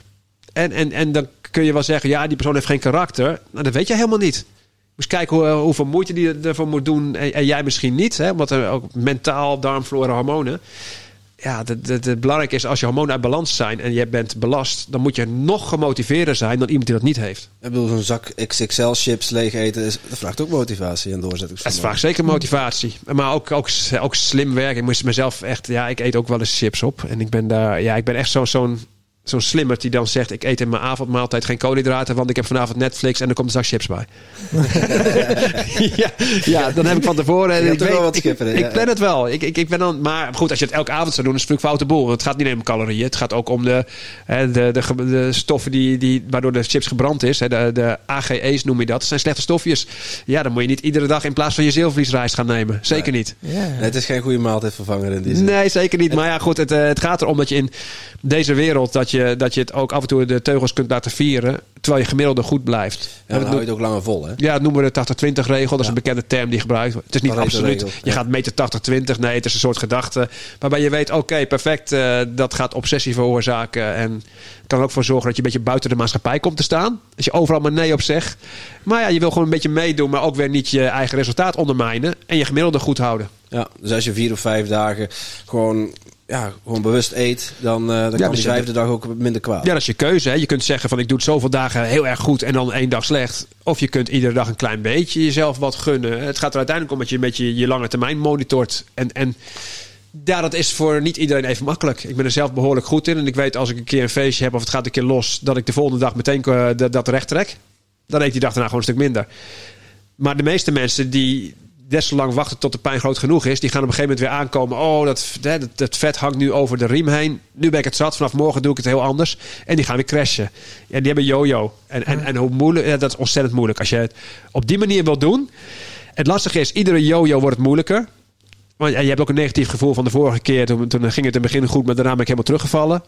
Ik, Lekker- kijk, kijk, eens wat ik, ja. kijk eens wat ik een slap karakter heb. Dat soort dingen. Ja, dus de, de, de- de me- veel mensen die ik begeleid. Het liefste heb ik ze dat ze nog helemaal niks hebben gedaan aan hun leefstijl. Dan kan ik met een schone lei beginnen. Maar als iemand al tien crashdiëten gedaan heeft en komt dan bij je. Dan heb ik hier heel veel moeite mee om iemand mentaal uit, deze, eh, uit, uit dit spel te krijgen van crashen en aankomen. Ja. Moeilijk. Ja, dat is interessant. Hey, ik merk zelf bijvoorbeeld intermittent fasting. Ik ben ermee begonnen door Timo Hans. Ik weet niet of je die kent. Nou, Dus, voor eh, ja. Physics Academy heeft hij opgericht. Eh, ook heel veel bezig met de hormonen. Ja. En eh, ik, ik heb gewoon last van mijn darmen. Dus, eh, last van mijn rug. En dat, dat trekt dan Ja. daardoor aan mijn darmen. De, mijn eh osteopaat die vertelde me ook van... je hebt eigenlijk geen last van je rug. Het komt vanuit je, vanuit je dikke darm. Ja. Ehm, en ik ben minder frequent gaan eten. Gewoon ook om mijn, om mijn darmen minder te, minder te prikkelen. Of niet geheel. ja, dat is dag een logische gedachte.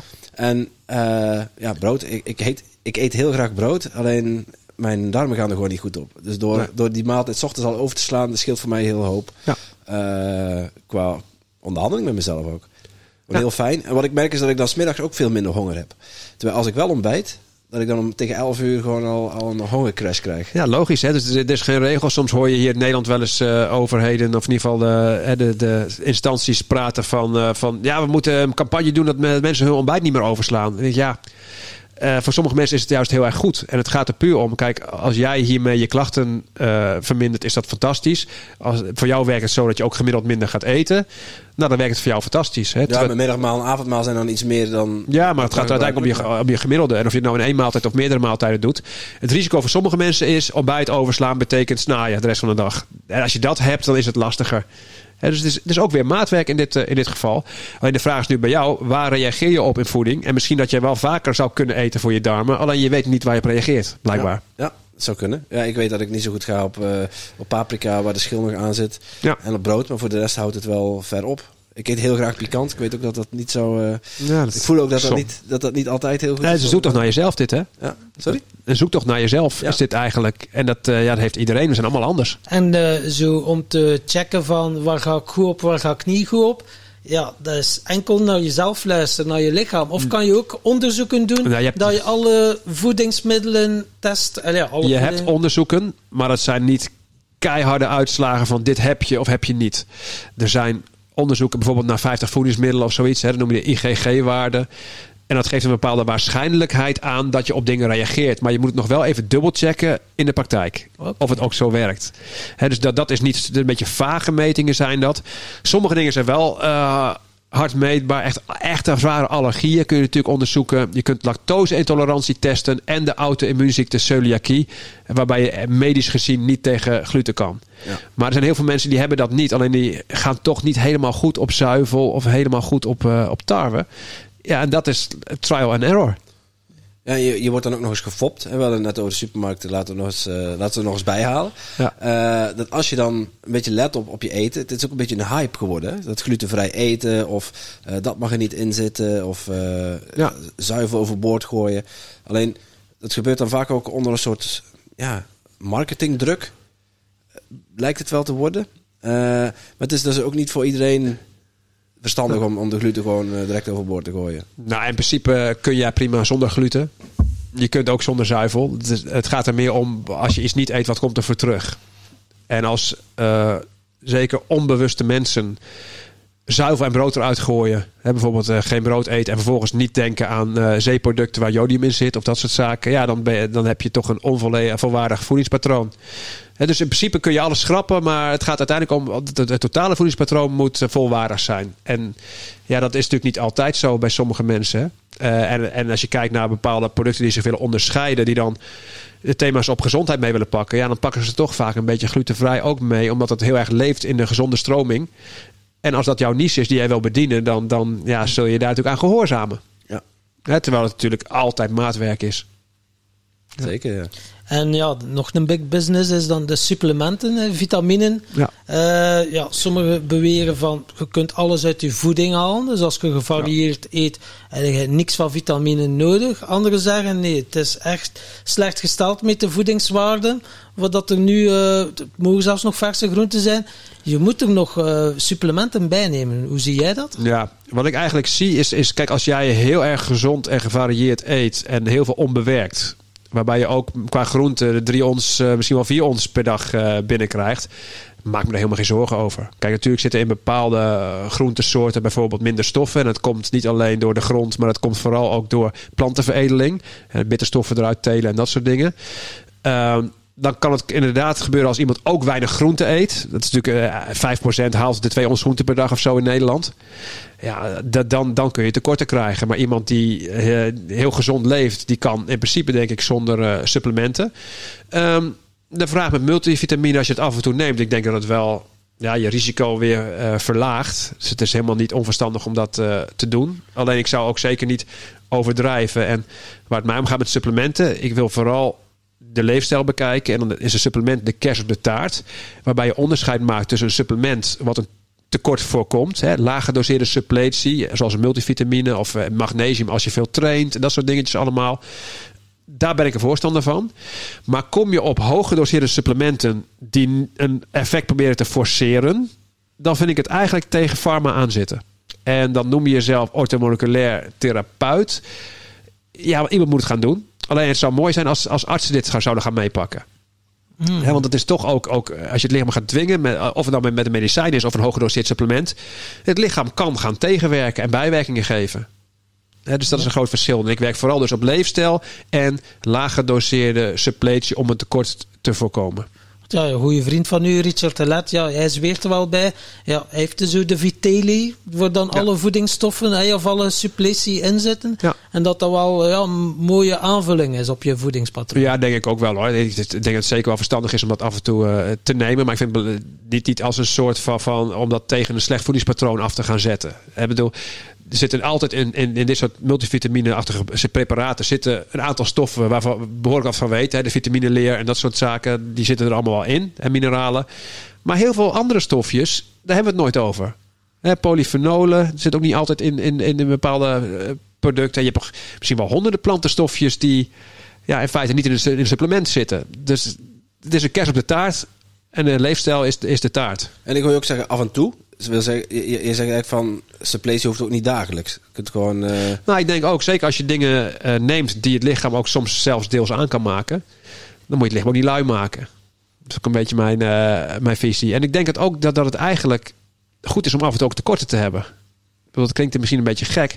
Ik geloof dat alle systemen moeten uitgedaagd worden in het lichaam. Je moet ook een keer vasten. Ik denk als je, als je het lichaam daar, daarmee traint op vasten, dan kan het vervolgens je beter in balans houden. Datzelfde geldt ook voor training. Je geeft een korte klap tra- en daarna word je beter ergens in. Of koude training. Je wordt nooit getraind op kou. het is gewoon een stress-exposure. Ja. Ja, dus als, je, als jij koubelasting hebt met die ijsbaden en dat soort dingen. Ik denk dat het heel goed is. En hetzelfde geldt ook voor korte stress, inderdaad. Uitdagingen aangaan is Wat beter dan... week een zweethut eh, eh, ceremonie Ja. met eh, David de Kok. Ja, je, je traint een systeem om vervolgens dat hij jou beter in balans kan houden. Dus de systemen moeten gewoon niet lui worden. En ik denk ook als het gaat om bepaalde stofjes. Het lichaam mag best een keer eh, een klein tegen een tekortje aanlopen. Maar alles moet kortdurend zijn. Je gaat ook niet eh urenlang in een ijsbad liggen. Of, een, eh, of, tien uur lang trainen. En dat, dat, dat, dat is juist werkt averechts. Ja, en ben jij dan ook zo iemand elke dag koude douchen om het even uit te dagen? Ik ben dus- iemand die daar zeker achter staat. maar de praktijk bij mij is... Ja, ik, ik, ben, ik ben echt een hele laffe koude doucher. Ik ben, ik ben iemand die de koude kraan op een gegeven moment vol openzet... terwijl de warme kraan nog steeds aan blijft. En dan... Ja, dat de kan ik... illusie van, ja, de koude kraan staat open hoor. Ja, ja. Ja, precies. Maar die, die warme kraan gaat niet helemaal uit, zeg maar. Dus, Oké. ik- ja, dus ik ja. ben eigenlijk... Maar ik ben al een stap verder. Vroeger was mijn stap... Aan het eind van het douchen zet ik de douche zo heet mogelijk. En dan stap ik in één keer uit de douche in kamertemperatuur. Zo. ja, dus ik ben al een stap verder. Misschien dat ik straks echt koud ga, ga douchen. Maar ik merk ook, dat gaat in de zomer makkelijker dan de winter. Ja, ja, dat is wel. Die leidingwater is ook minder, eh, minder koud, eh, heb ik het idee. Ja, maar ik, moet, ik, ben, ik ben ook eigenlijk beter in in een ijsbad stappen... dan dat, dat de douche in één keer koud wordt. Oké, ja, ja. Ja, de- Het is toch ook de plek waarop het in één keer... Zeker als je onder de douche zit, komt in één keer in je nek of zo. Dat is net zo'n... ja. Je is gewoon rotplek. en dan eronder stappen en wachten tot die warm wordt. En dan Ja. ook nog eens koud afdouchen. Die eerste is eh, pittiger dan de laatste. Ja, ja, ja, precies. De laatste kun je nog mentaal voorbereiden. Klopt, maar ik, ik sta er wel helemaal achter dat, dat, dat het systeem moet niet lui worden. De hele dag door maar verwarming. Stel, Er zijn nu auto's met, met, met eh, hoe heet het nou, stuurverwarming, nekverwarming. Het wordt steeds gekker, joh. Ja. We hebben het nu al eh, zo beweging, voeding. Het mentale aspect is ook wel belangrijk. Dus de gelukshormonen, eh, hoe zorg je dat je die in balans hebt? Wat doe jij bijvoorbeeld om eh, mentaal in orde te zijn? Nou, ik, ik, ik wil sowieso een balans hebben tussen inspanning en ontspanning. Ehm, en als je het hebt over basisbehoeftes in, in het leven, zeker uitdagingen blijven zoeken. Want in het begin was natuurlijk heel veel een uitdaging wat ik doe. En op een gegeven moment wordt het routine. En dan, ja, op een gegeven moment word ik ook minder. En dat merk ik zelf ook. Dus ik blijf iedere keer zoeken van... hé, hey, wat geeft me energie en wat kost me energie? En als dingen die me vroeger energie gaven... me energie gaan kosten, dan ga ik nadenken. En denk ik. Hey, eh, ja, ik moet toch andere dingen gaan verzinnen... om toch die energie ergens anders te gaan pakken. En, en dan ga je weer een opleiding doen. Of dan ga je weer... Ja, dat, dat is wat je eigenlijk eh, doet. Ehm, wat heel belangrijk voor mij is... is eh, jezelf nuttig voelen. Ik merk dat... Zingeving. Ja en, en- ja, en zingeving, dat verandert ook best wel door de tijd heen. Ehm, ik ben heel blij dat ik, als ik wanneer een nieuw product in de supermarkt heb, dat ik denk van, oh, ik maak die obesogene omgeving, ik maak het makkelijker. Dan voel ik mezelf heel erg eh, nuttig. Wat ik wel heb ervaren is, als het gaat om het helpen van mensen, dat ik eh, in het begin, toen ik mijn boek De Hormoonfactor schreef, dat ik iedere dag gebombardeerd werd met bedankmailtjes. En dat ik op een gegeven moment achterkwam van, het raakt me niet meer. Oh, dat is wel echt heel slecht eigenlijk. Je wordt er immuun voor. Ik word immuun voor. Terwijl ik vroeger had ik één iemand dan, dan één op één geholpen. En dan was ik helemaal trots en blij. En, en dat, dat is best wel erg eigenlijk. Dus Ja, je denkt ja, dat, dat, dat, dat ook dat, ja, misschien ook dat, dat- al die stofjes, die gaan op een gegeven moment ook de receptoren gaan een beetje uitdoven als je die heel vaak aanmaakt.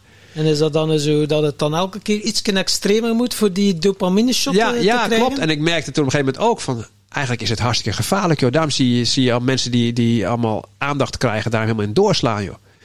En daarna moest ik even aan wennen, oké.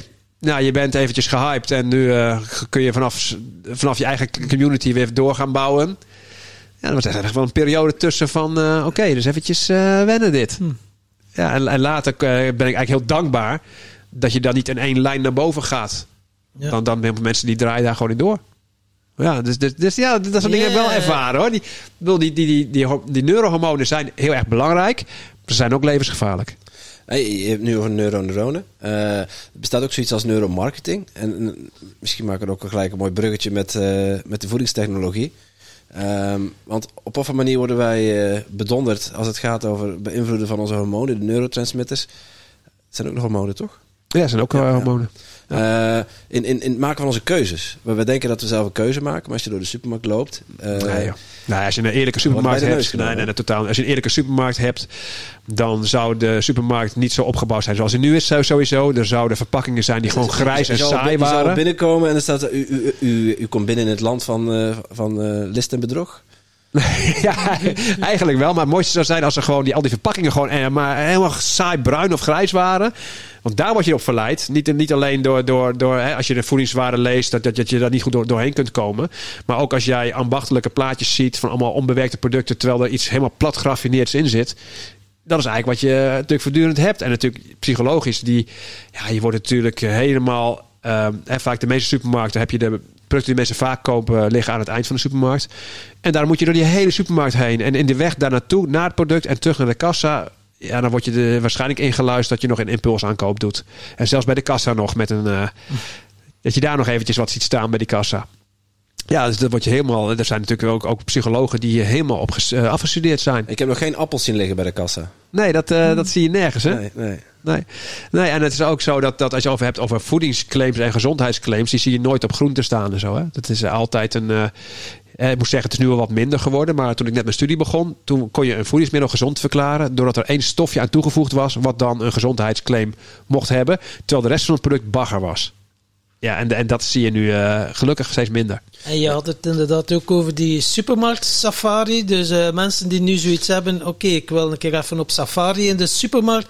Welke tips kan je ze geven als ze nu het karretje nemen en ze gaan de, de supermarkt nadat ze deze podcast hebben beluisterd? Nou, belangrijk is sowieso hoe gemotiveerd ga jij de supermarkt in. Voordat je al binnen bent. Dat is wel heel erg belangrijk. Uh, Als je sowieso eh, niet gemotiveerd bent om gezond te leven. Daarnaast heb je al een paar uur niet gegeten, heb je trek. Ben je echt klaar om te verliezen. Dat, dat gaat je gewoon. De, de, de supermarkt die slokt je helemaal op. Maar je Ja, moet vogel gewoon. voor de kat, zeggen ze Ja, ja. vogel voor de kat, inderdaad. En dat weet ik uit, uit, het, uit het wielrennen ken ik dat, ja. Belgische commentatoren, ja. nee, maar inderdaad, als je dan, al- dan al, al zwak binnenkomt, dan wordt het heel lastig. Ehm, en belangrijk is, eh, het is zelfs zo psychologisch dat als jij de super, eh, meteen ligt er groente voor je, meeste supermarkten. Als jij dat in je mandje hebt gestopt, dan denk je, ik heb al iets goeds gedaan. Dus nu heb ik recht om ook er iets slechts bij te gaan leggen. Wauw. Ja, zelfs zo is het allemaal eh, afgestemd. En het beste is gewoon, dat je wint daar moeilijk van. Je moet gemotiveerd binnenkomen en daarnaast het liefst gewoon een boodschappenlijst hebben. En het liefst voor een paar dagen. Dat je gewoon echt oogkleppen opdoet. Ik ga mijn boodschappen halen die ik op de lijst heb staan. Me niet laten eh, verleiden. En zo min mogelijk in die supermarkt komen. Ja, ik, ik, als ik een supermarkt, aan, aan een supermarkt denk, krijg ik al stress. En als ik eh, de supermarkt binnenwandel, dan gaat mijn cortisolgehalte eh, volgens mij de hoogte in. Dat is echt niet mijn habitat. Ik, als ik er binnen stap, dan wil ik het liefst zo snel mogelijk terug uit.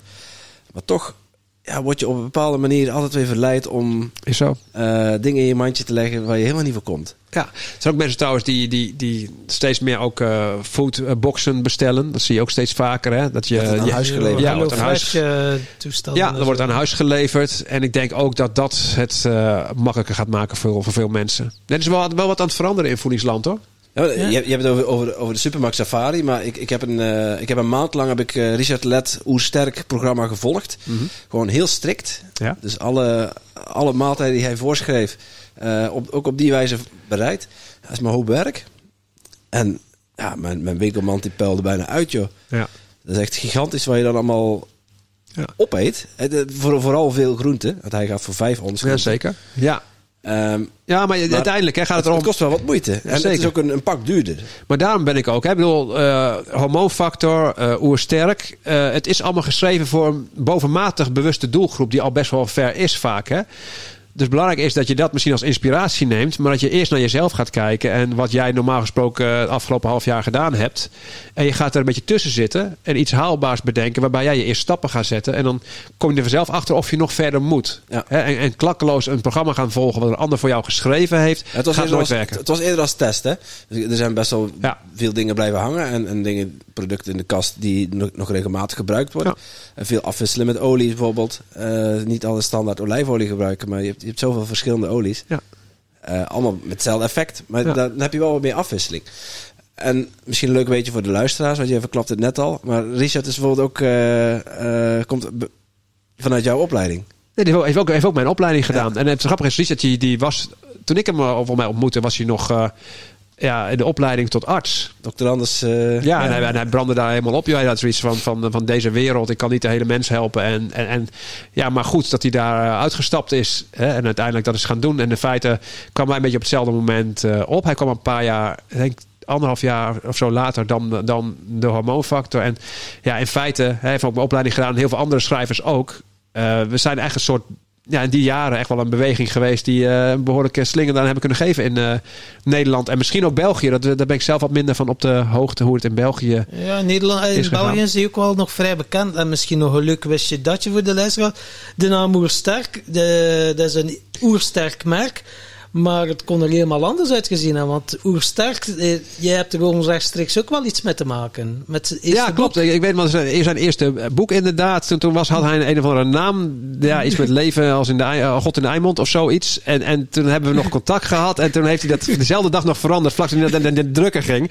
En ik ben zo blij dat dat gebeurd is. Want ik weet zeker, ik had zelf ook die fout bijna gemaakt. Want ik, eh, de hormoonfactor, ik wilde dat ook eh, iets met de, de win het gevecht tegen je hormoon of weet ik veel wat. Kansloos als merk. En toen ben ik ook door, door mijn uitgever geholpen. Ralf, die titel, dat moet één woord zijn. Dat moeten mensen kunnen makkelijk onthouden, dit, dat. En gelukkig heeft Richard dat ook gedaan. En ja, dat, anders waren wij natuurlijk eh, ja, nooit zo groot geworden als wij die rare titels hadden gehad. nee, dan, dat is misschien de reden waarom onze podcast nog, eh, nog wel achterblijft. We hebben altijd van die rare titels. Ja, super belangrijk. En zeker als je iets de komende 15 jaar gaat uitdragen. en je hebt er net even een ja, moeilijke zin of iets anders. eh, dat, dat, dat verander je niet zomaar. Ja, onze best beluisterde podcast is... Kom niet klaar voor je naar deze podcast hebt geluisterd. Ja, Ja, over clickbait gesproken. heel goed. Ja, ja. Ja. Ja, dat gaat over seksuele transformatie. En, eh, Nou, dus daar ik kun, kun je met hormonen ook wel eh, iets mee doen hoor. Dat, Ik ben benieuwd wat de titel wordt dan. Ja, daar gaan we eens over nadenken. Ja. Een mooie trigger. Maar het is niet bij de hormoonfactor gebleven. Eh, want jij hebt nog een heel race boeken geschreven. Ja, in feite hoorde in dezelfde serie. Ehm, ik heb ook een, eh, twee verdiepingsboeken erop gemaakt. Eentje die is hormoonbalans voor vrouwen. En de andere is de testofactor voor mannen.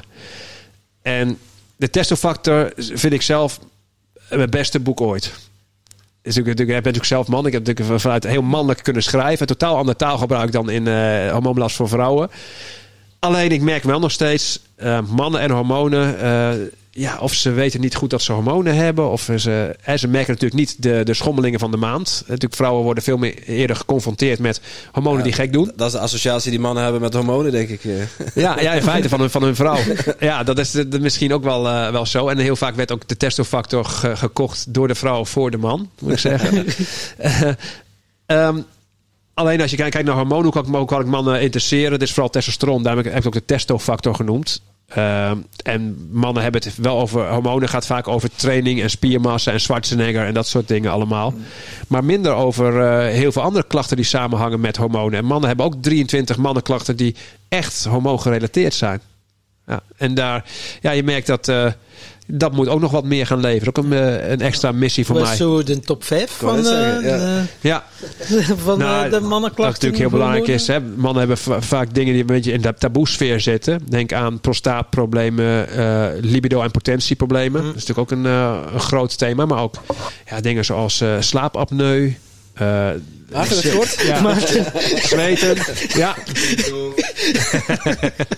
ja, dingen zoals eh, zweten, roos hebben, dat soort dingen. Bepaalde geuren. Ja, er, er zijn zoveel mannen-issues waarvan mannen niet weten dat ze met hormonen te maken hebben. En dat, eh, ja, daar heb ik er wel een lans voor gebroken met het eh, boek De Testofactor. En het is een ontzettend leuk boek, vind ik zelf. Wat doe je bijvoorbeeld tegen uh, slaapapneu?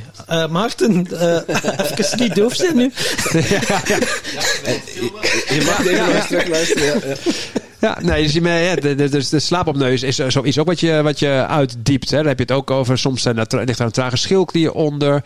Uh, testosteron die lager is. En vaak speelt er ook metaboolsyndroom. Dat is ook weer zo'n bekende term. Hè. Mensen die op een gegeven moment overgewicht krijgen. Je metabolisme, uh, je stofwisseling. Eigenlijk de, de nee, is het nee, maar het metaboolsyndroom. Ik weet dat het in België ook zo genoemd wordt. Dat is typisch de westerse ziekte. Hè, de welvaartsziekte. Waarbij je op een gegeven moment overgewicht krijgt. En dan gaat op een gegeven moment hormonen ook raar doen. Dan gaat okay. je bloed, bloedsuiker omhoog. Je bloeddruk en je cholesterol. Ja, en dat is ook een spel van hormonen. Wat tegelijkertijd op dat moment speelt. En, je kunt daar best ook wel wat in sommige gevallen aan doen.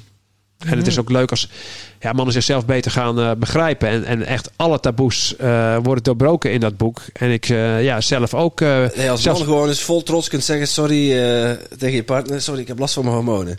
Ja, precies. Maar ook, maar ook echt, echte porno-issues. Mannen die onzeker zijn vanwege de hoeveelheid ejaculatie ze leveren. Ja, bedoel, het is, dit, er zijn men, ik heb gekeken, waar googelen mensen op? En mannen googelen daarop.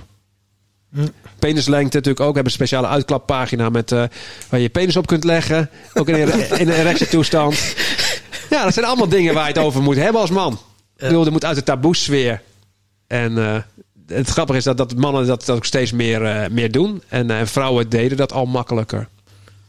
Ja, en zeker zo bij mannen en vrouwencirkels was al gekend, maar nu hoor je ook wel meer en meer mannencirkels. Ja, hoor ik laat, hè? hè? Adem, mannencirkels, sessies, ja. uh, dat soort dingen allemaal. Dus het gaat echt wel veranderen. Ja, en uh, ja, ja, de mannelijke, de vrouwelijke polariteit, het is zo belangrijk ook. Die mannelijke en die vrouwelijke energie, hoe dat dat toch ja, vind ik ook. allemaal uh, beweegt. Ja, ja, ik ging dan uh, vragen van, je vindt dat ook, ben je, ja, daar heb je ook in verdiept waarschijnlijk. Dat hangt ook een beetje vast aan de hormonen of zo, of niet? Ja, absoluut. En, en ik weet ook wel, van, hè, soms, de, vroeger dacht ik wel eens mensen van, oh, wat, wat, wat een vervelend persoon, of, of dit of dat. Terwijl soms als hormonen stofjes tegen je werken, dat zou jou ook gebeuren als die hormonen uit balans raken. Dan zou jij ook anders worden. We, we, denken dat we alle invloed hebben, dat we overal boven staan. Maar als hormonen iets geks gaan doen, dan kun je als persoon best wel overruled worden door die stofjes. Dus het liefste hoop je dat ze gewoon in balans zijn, waardoor jij je, je, je, je jezelf voelt. Maar je bent niet sterker dan je hormonen hoor. Echt niet. Ja. Dus dat is ook de reden waarom je s morgens misschien met een, met een humeur opstaat. Uh, of wat geagiteerd reageert op bepaalde zaken? Dat kan inderdaad. Als, als jij s'morgens geen goede cortisolpiek hebt, waardoor je scherp wakker wordt. Uh, en daarna dat je daglicht ziet en je serotonine meteen begint mee te, te spelen. Ja, dan, dan kun je inderdaad humeurig wakker worden. Ja. En hoe kan je dat verhelpen? Bijvoorbeeld heb je er bepaalde tips voor om dat toch tot een minimum te beperken, dat nou, humeurig wakker worden? Ja, zoals... je merkt, je wil je dagritme optimaliseren en je wil de werking van je hormonen optimaliseren. En, en dan heb je natuurlijk een aantal basis uh, trucs die best wel logisch zijn. Hetzelfde moment opstaan, hetzelfde moment slapen, rustig gaan slapen, donkere kamer, dat soort dingen. Dat je slaappatroon en je waakpatroon beter wordt. Maar ook heel veel leefstijlthema's die onder hormonen liggen. En ik zei al, je vraagt om een paar tips. Maar het is weer aan tien knoppen tegelijk draaien uh, in een maatwerkprogramma voor mensen. Hmm. En, en dat is best complex. Ik bedoel, meestal de media vraagt mij ook om geef me even drie tips voor dit en dit. Ik denk, ja, dit, ik kan het wel doen, een paar tips. Maar er zijn een paar mensen bij wie, die, bij wie ik raak schiet dan. Uh, belangrijk vind ik dat mensen gemotiveerd genoeg raken om er echt iets aan te doen. Om eens goed vanuit de helikopterview te gaan kijken op al die dingen. En niet naar één tip zoeken. He, dus ik hoop, denk dat jullie luisteraar ook gemiddeld gemotiveerder is hè, dan, dan, ja. dan, dan de rest. Ja. Dus misschien dat ze wel bereid zijn om ja, dat even, zeker. even veel verder te gaan kijken dan, ja. uh, dan dat. Om echt uh, goede substantiële oplossingen te gaan bedenken. En als ze, als ze wat verder willen kijken, waar, waar, waar moeten we dan aan denken? Nou, je kunt al heel laagdrempelig beginnen. Ehm, onderwerpen, als je hebt over klachten en mannen-issues of vrouwen-issues. ehm, dat je gewoon googelt op de klacht en dan hormoonfactor erachter zet. Ik heb bijna overal wel blogs over geschreven waar je al eh, heel veel van kunt leren en eerste stappen kunt, eh, kunt zetten. En hopelijk als je daar bent, dan eh, word je verleid om net even wat gratis downloads te doen, waardoor ik je mailadres hebt. En dan op een gegeven Yes. moment zit je in de fuik. En dan begint het bij, bij wat gratis dan, dingen. Dan wordt langzaam wordt, wordt je... Dan heb je een e-book voor 4,95 e-book. Dan kom je bij mijn boeken terecht voor 24,95. Dan heb je een online programma wat nog een paar tientjes duurder is. En uiteindelijk kom je in de opleiding tot trainer hormoonfactor. En het liefste koop je nog een paar keer per week mijn brood. Even, even een lesje marketing, eh, dames Ja. en heren. Ja, ja, ja. Zo werkt dat. Maar je komt heel laagdrempelig binnen. Ja. Maar aan, de andere kant, aan de andere kant eh, als je heel laagdrempelig binnenkomt, krijg je wel al heel veel waardevolle Ja, ik geef heel veel weg. Tuurlijk, maar met, met mensen die echt, echt geïnteresseerd zijn, die vinden dat zo leuk. En op een gegeven moment raak je toch ook verslaafd. Dan krijg je dopamine van al die Nee, jij speelt informatie. erop in, hè? Jij weet precies hoe hormonen werken. Dus jij Ja, daarom. misschien ook bepaalde hormonen bij mensen. Precies. Ja. Ne- Neem ons eens mee. Hoe, hoe kunnen we ehm, op, op een ludieke, leuke manier dan eh, die obese gemeenschap veranderen? Eh, door in te spelen op die hormonen? Ja, je hebt het over de ob- ob- obesogene wereld. Kijk, ik, ik speel in op de mensen die gemotiveerd zijn. Ja. En, en dat is een kleine groep. Er is ook een hele grote groep in de wereld niet te helpen hebt met... die niche gekozen, hè? Dus, ja, Ik, eh, die, die, die, die zelf, zichzelf zo kunnen motiveren dat ze bestand zijn tegen die verleidende omgeving. Dat is een klein groepje en die bedien ik met de boeken. En die zijn al gemotiveerd en die zijn bereid verder te kijken en, en zichzelf te onderzoeken. Daar maak ik me ook geen zorgen over. Er is een hele grote groep waar ik me wel zorgen over maak. Dat is iemand, de mensen die niet gemotiveerd genoeg zijn. En die niet bestand zijn tegen onze verleidende obesogene omgeving. Er is er maar één optie, dus die obesogene omgeving zwakker maken. En ja, dan kom je op een gegeven moment op gebieden van de, van de politiek terecht. Waarbij Daar gingen we het niet over ik- hebben, toch? Waarbij, ja, nou, in dit geval kan het wel. Ehm, waar ik eigenlijk altijd ge- het gevoel had van. Toen ik heel activistisch was in het begin. Die politiek moet gewoon voor zorgen dat die supermarkt verandert. En dit verboden wordt, dat verboden wordt. En door de afgelopen jaar heb ik geleerd wat dwang, drang, betutteling is. Ik wil dit nooit, never meer. En Ja, ook je, niet hebt, je hebt dezelfde shit over je heen gekregen na je media optreden eigenlijk. Eigenlijk is het hetzelfde. Dezelfde reactie. Nou, Tegenin. En daar tegenin. Maar het gaat me meer om, om, om even voor mensen dingen verbieden. Ik, ik vind niet dat fastfood verboden moet worden. Wat ik wel vind is dat ja, de wereld wel zo ingericht kan worden dat je niet eh, als je een station overloopt eh, tot tien keer verleid wordt met fastfood die naast je, waar je de geuren van opsnuift. Dat dat een beetje zo ingericht wordt dat mensen het wel kunnen kopen, maar niet dat je obesogeen beïnvloed eh, wordt. Die invloed moet in ieder geval een stuk minder worden. Dus vrijheid moet blijven, maar het, Ja. de invloeden het moet voor die mensen gewoon een stuk makkelijker worden om gemiddeldheid beter te doen. En heel veel gedrag bij deze mensen die niet gemotiveerd zijn, gaat onbewust. En ik denk dat daar een hele belangrijke taak ligt voor, over, voor de overheid. Ja, zoals we nu eigenlijk eh, bij sigarettenbalies gewoon eh, alles achter de witte kast staat. En de pakjes helemaal neutraal Ja. zijn. Ja, en, en dat is op voeding natuurlijk ook. Ja, Ja. voeding is het, op voeding wordt er nog volop ingezet. Nee, maar, misleiding. nee, en, maar dat eh, zou dus ook anders kunnen. Ja, en dat zou op dezelfde manier kunnen. Ja, ja op, op een eh, manier waarbij je toch vrij bent om alles te kopen wat je wil. Maar toch dat je minder verleid wordt, dat is denk ik heel erg eh, belangrijk. En het motivatiethema vind ik ook belangrijk. De mensen die naar mij toe komen zijn vaak al behoorlijk gemotiveerd. Binnen die onbewuste, niet gemotiveerde groep zit een groep die misschien wel te motiveren is. Daar vind ik, daar is een voedingscentrum voor. Voedingscentrum is nou totaal verkeerd bezig. Die is alleen maar bezig met advies geven en dit mag je wel, dat mag je niet. Nee, dat moet een nationaal motivatiecentrum worden om te laten zien wat het allemaal oplevert als je echt gezonder gaat leven. En dat op een hele positieve manier brengt. Dat iedereen dat gewoon gaat willen. En die motivatie hoger wordt. En die kennis, hoe je dat doet, dat vind je vanzelf wel. Als je gemotiveerd bent, dan ga je op zoek, dan vind je het. Ja, en dan krijg je weer gelukshormoontjes. En dan worden we allemaal beter van. stimuleer je jezelf om eh, nog gezonder te gaan leven. Ja.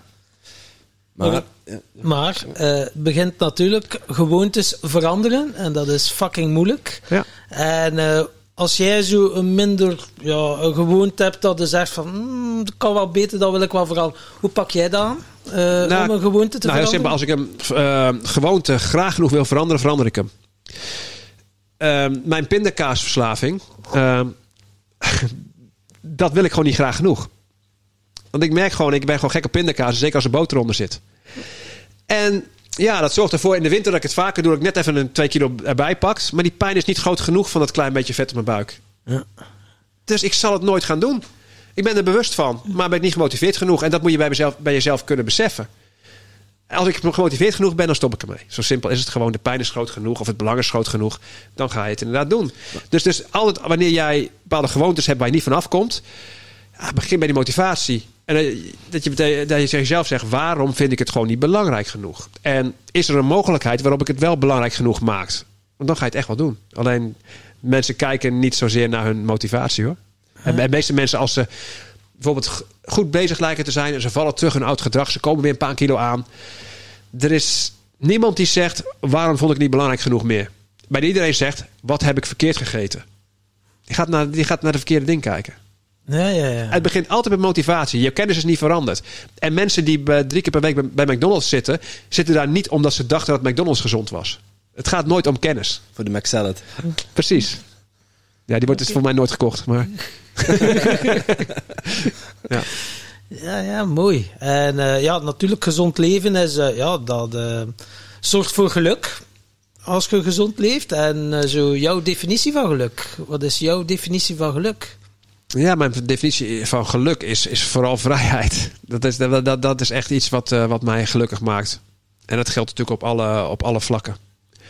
En daarnaast dat ik een aantal mensen om me heen heb die, waar ik blij van word. Dat, dat, en dat hoeft er echt niet veel te zijn. En dat, eh, dat, daar zorg ik wel voor dat ik dat inderdaad, eh, inderdaad heb. En, wat is vrijheid voor jou?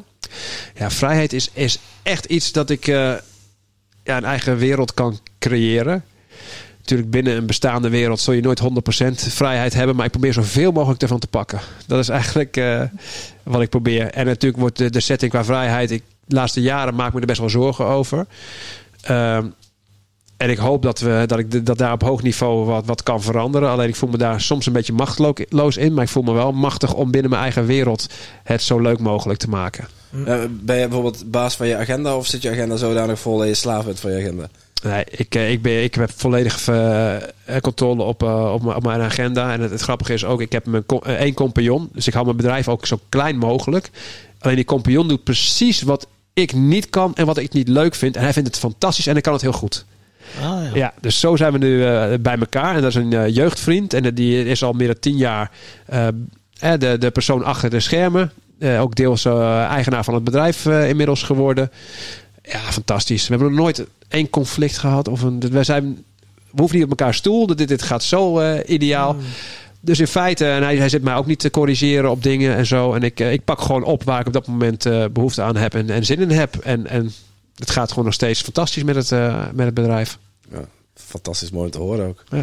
En Tom vroeg net naar, eh, naar geluk. Ik ben wel benieuwd, eh, hoe, dat is een beetje de rode draad onze podcast. Wat is jouw definitie van succes?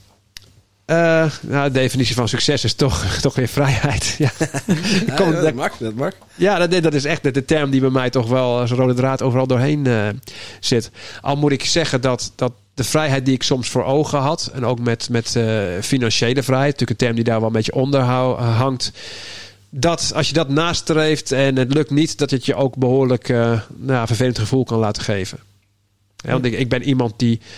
Waar je nu bent, is een, een huurhuis. En ik had altijd eigenlijk al een koophuis willen hebben. Maar ik ben iemand die een eigen bedrijf begon. En dan moest je drie jaar aantonen hoeveel je verdiende. En dat werd iedere keer meer mijn omzet. En dan kwam iedere keer mijn hypotheekbedrag ging omhoog. Maar de huizenprijs ging sneller omhoog. Dus ik heb iedere keer achter die feiten aangelopen. Ja, en dat is nog steeds niet, eh, eh, niet voorbij. En op een gegeven moment denk ik van ja, wat kun je dan doen? Je kunt aanpassen. En misschien dat ik gewoon een keer eh, een huisje in eh, Spanje voor, je kunt ook naar in het binnenland. verhuizen, hoor, want dan heb je heel, andere, Dat ik de- heel andere prijzen ja, dan Amsterdam. Ja, precies. Dat ik, dat ik daar in ieder geval mijn eisen ga veranderen. Waardoor ik toch die vrijheid weer voel. Ja, het is toch een verwachtingspatroon wat je hebt. En het, het, het rare is ook... Heel veel mensen denken ook dat als jij een boek schrijft... zoals de hormoonfactor, je hebt een brood en dat soort dingen allemaal, een opleiding... dat je helemaal binnenloopt. Maar besef, als jij... eh, ik heb straks 200.000 boeken verkocht... dan denk je, wow, die jongen is rijk. Weet je wat het kost om, drie, om die boeken te verkopen? Om een bedrijf eromheen te bouwen waardoor je dit kunt doen. Nee. Nee, het is een visitekaartje, daar ga je je geld niet mee verdienen. Ehm, en voor de rest kan ik gewoon, hè, mijn compagnon en ik kunnen er een goed loon uit, eh, uittrekken. Daar ben ik op zich wel heel erg blij voor. Want een goed, eh, gewoon een goed loon hebben, eh, terwijl je zelf bepaalt wat je doet en de dingen doet die je leuk vindt, is al gigantisch groot. En daarom is het belangrijk, als ik daar weer aan denk, denk ik van wauw, wat heb je het zo goed voor elkaar, joh. Terwijl ik vroeger wel eens dacht van, je hebt nog steeds geen koophuis, lul. Ja. Ja, het is gewoon Dat is ja. Ja, dat is, is toch iets wat je dan ook aangepraat wordt. Eh, ik ben pas succesvol als ik deze en ik moet zeggen, ik ben er nu na 12 jaar bedrijfsvoering helemaal rustig onder eigenlijk. En dat, Ja. dat heeft lang geduurd. Heeft echt lang geduurd. En, vorm van ja, vrijheid. Ja. Ja, je hebt de nieuwsreis, maar ik hoorde je ook eh, tijdens de voorbespreking zeggen, ja, je hebt ook Costa Rica, dus reizen doe je ook wel graag. Wat zijn zo jouw eh, favoriete reisbestemming? Of eh de nee, reizen? nou, ik heb een aantal hè, reizen. Ik, ik, bedoel, ik ben niet iemand die, die heel vaak weggaat. Alleen als ik wegga, dat, dat, dat wel vaak dingen gebeuren. Dat is ook echt geweldig. Costa Rica vond ik natuurlijk een heel mooi land, wat natuurlijk bucketlist eh, was. En ik heb afgelopen februari ja, geweldige vakantie gehad. Ik ben gegaan naar eh, eh, Zanzibar, eh, dat eiland. En dan heb je Tanzania.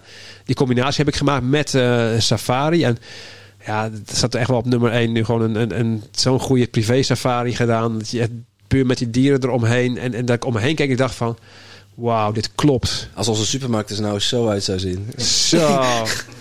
het klopt zo. Al die dieren in balans met elkaar. En, en ook zo anders dan, dan ik op natuurfilms zag. Hè? Al die sensatiezoekerij met, met dat de hele dag door leeuwen in je nek springen en zo.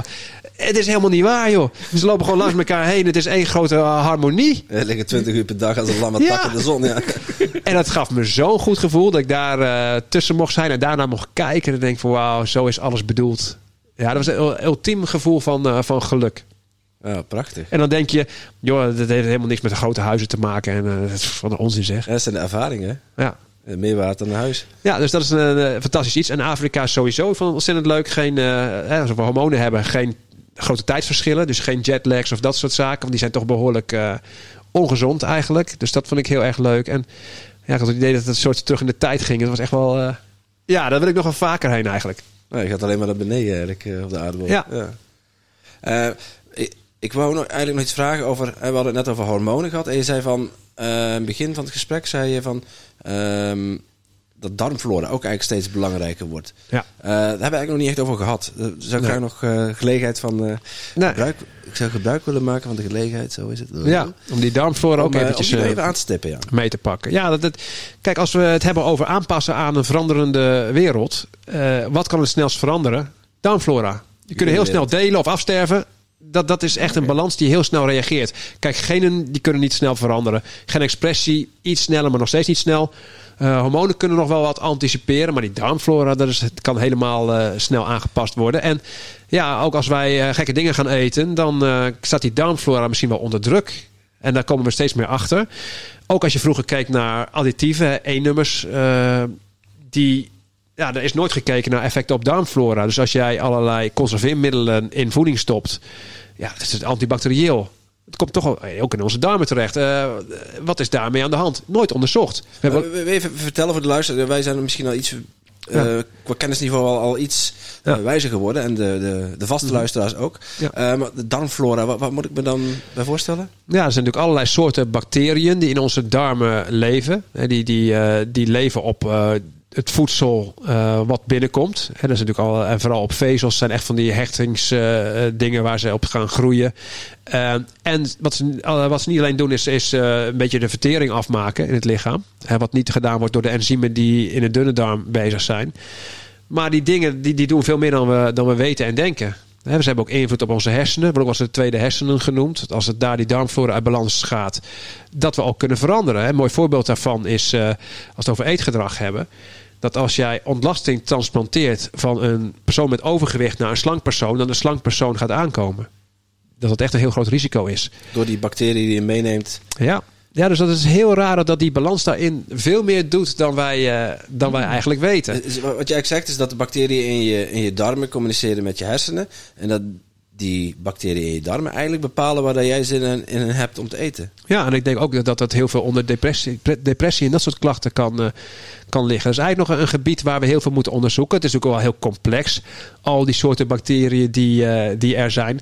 En uit de praktijk weten we wel, wel, wat dingen. Er zijn steeds meer therapeuten die ontlastingstesten gaan doen en gaan kijken welke bacteriën zijn in welke verhouding uh, aanwezig. En als dat uh, anders is dan een gemiddeld persoon die zich goed voelt, nou, dan ga je uh, dingen proberen en kijken of iemand zich beter gaat voelen. Dus dat, dat is de positieve kant wat je kunt, kunt doen. En mensen, ja, die gaan natuurlijk die darmflora. Er wordt ook zo weinig over nagedacht. Antibiotica eroverheen knallen. Ja, dus even, even een, eigenlijk doe je dan een darmspoeling van je bacteriën. Ja, eigenlijk wel. Je maakt heel je flora dood. Ja, je maakt heel, heel die darmflora en dan, dood. En dan, en dan, ga je, omdat je nog wat ziekjes voelt en nog wat, wat gestrest voelt, ga je er een pizza in steken. Ja. die pizza wordt afgebroken door andere bacteriën. Dan ja, dan kun je je, je darmflora ook weer veranderen. Want ook wat je eet bepaalt een beetje de verhouding uiteindelijk. Uh, waar die bacteriën natuurlijk in je darmen aanwezig zijn. En dat gaat niet alleen om of je koolhydraten, eiwitten of vetten neemt. Uh, bedoel, het is ook best wel risicovol om te zeggen van ik ga alle koolhydraten schrappen. Want dan ben je je darmflora gigantisch uit balans aan het brengen. Dus het is wel een soort van uh, impact op je, op je lijf. Ja, als, als, je, als je daar een, een radicale beslissingen wil nemen en, en het roeren omgooien, is dan beter om het langzaam af te bouwen of, of in één keer de cold turkey methode? Nou, ik ben toch, toch wel, uh, als het om gedragsverandering gaat, op een gegeven moment ben ik toch meestal de voorstander van stap voor, uh, stap, voor stap. Behalve als er echt een hevige klacht onder ligt, waardoor ja, mensen zoveel is, pijn ja. hebben omdat ze gemotiveerd zijn. Die kunnen grote stappen zetten en vervolgens ervaren als iets, uh, als een soort van regenbui verdwijnt in één keer. Dat ze dat nooit meer vergeten en ook een impact hebben op een lange termijn gedragsverandering.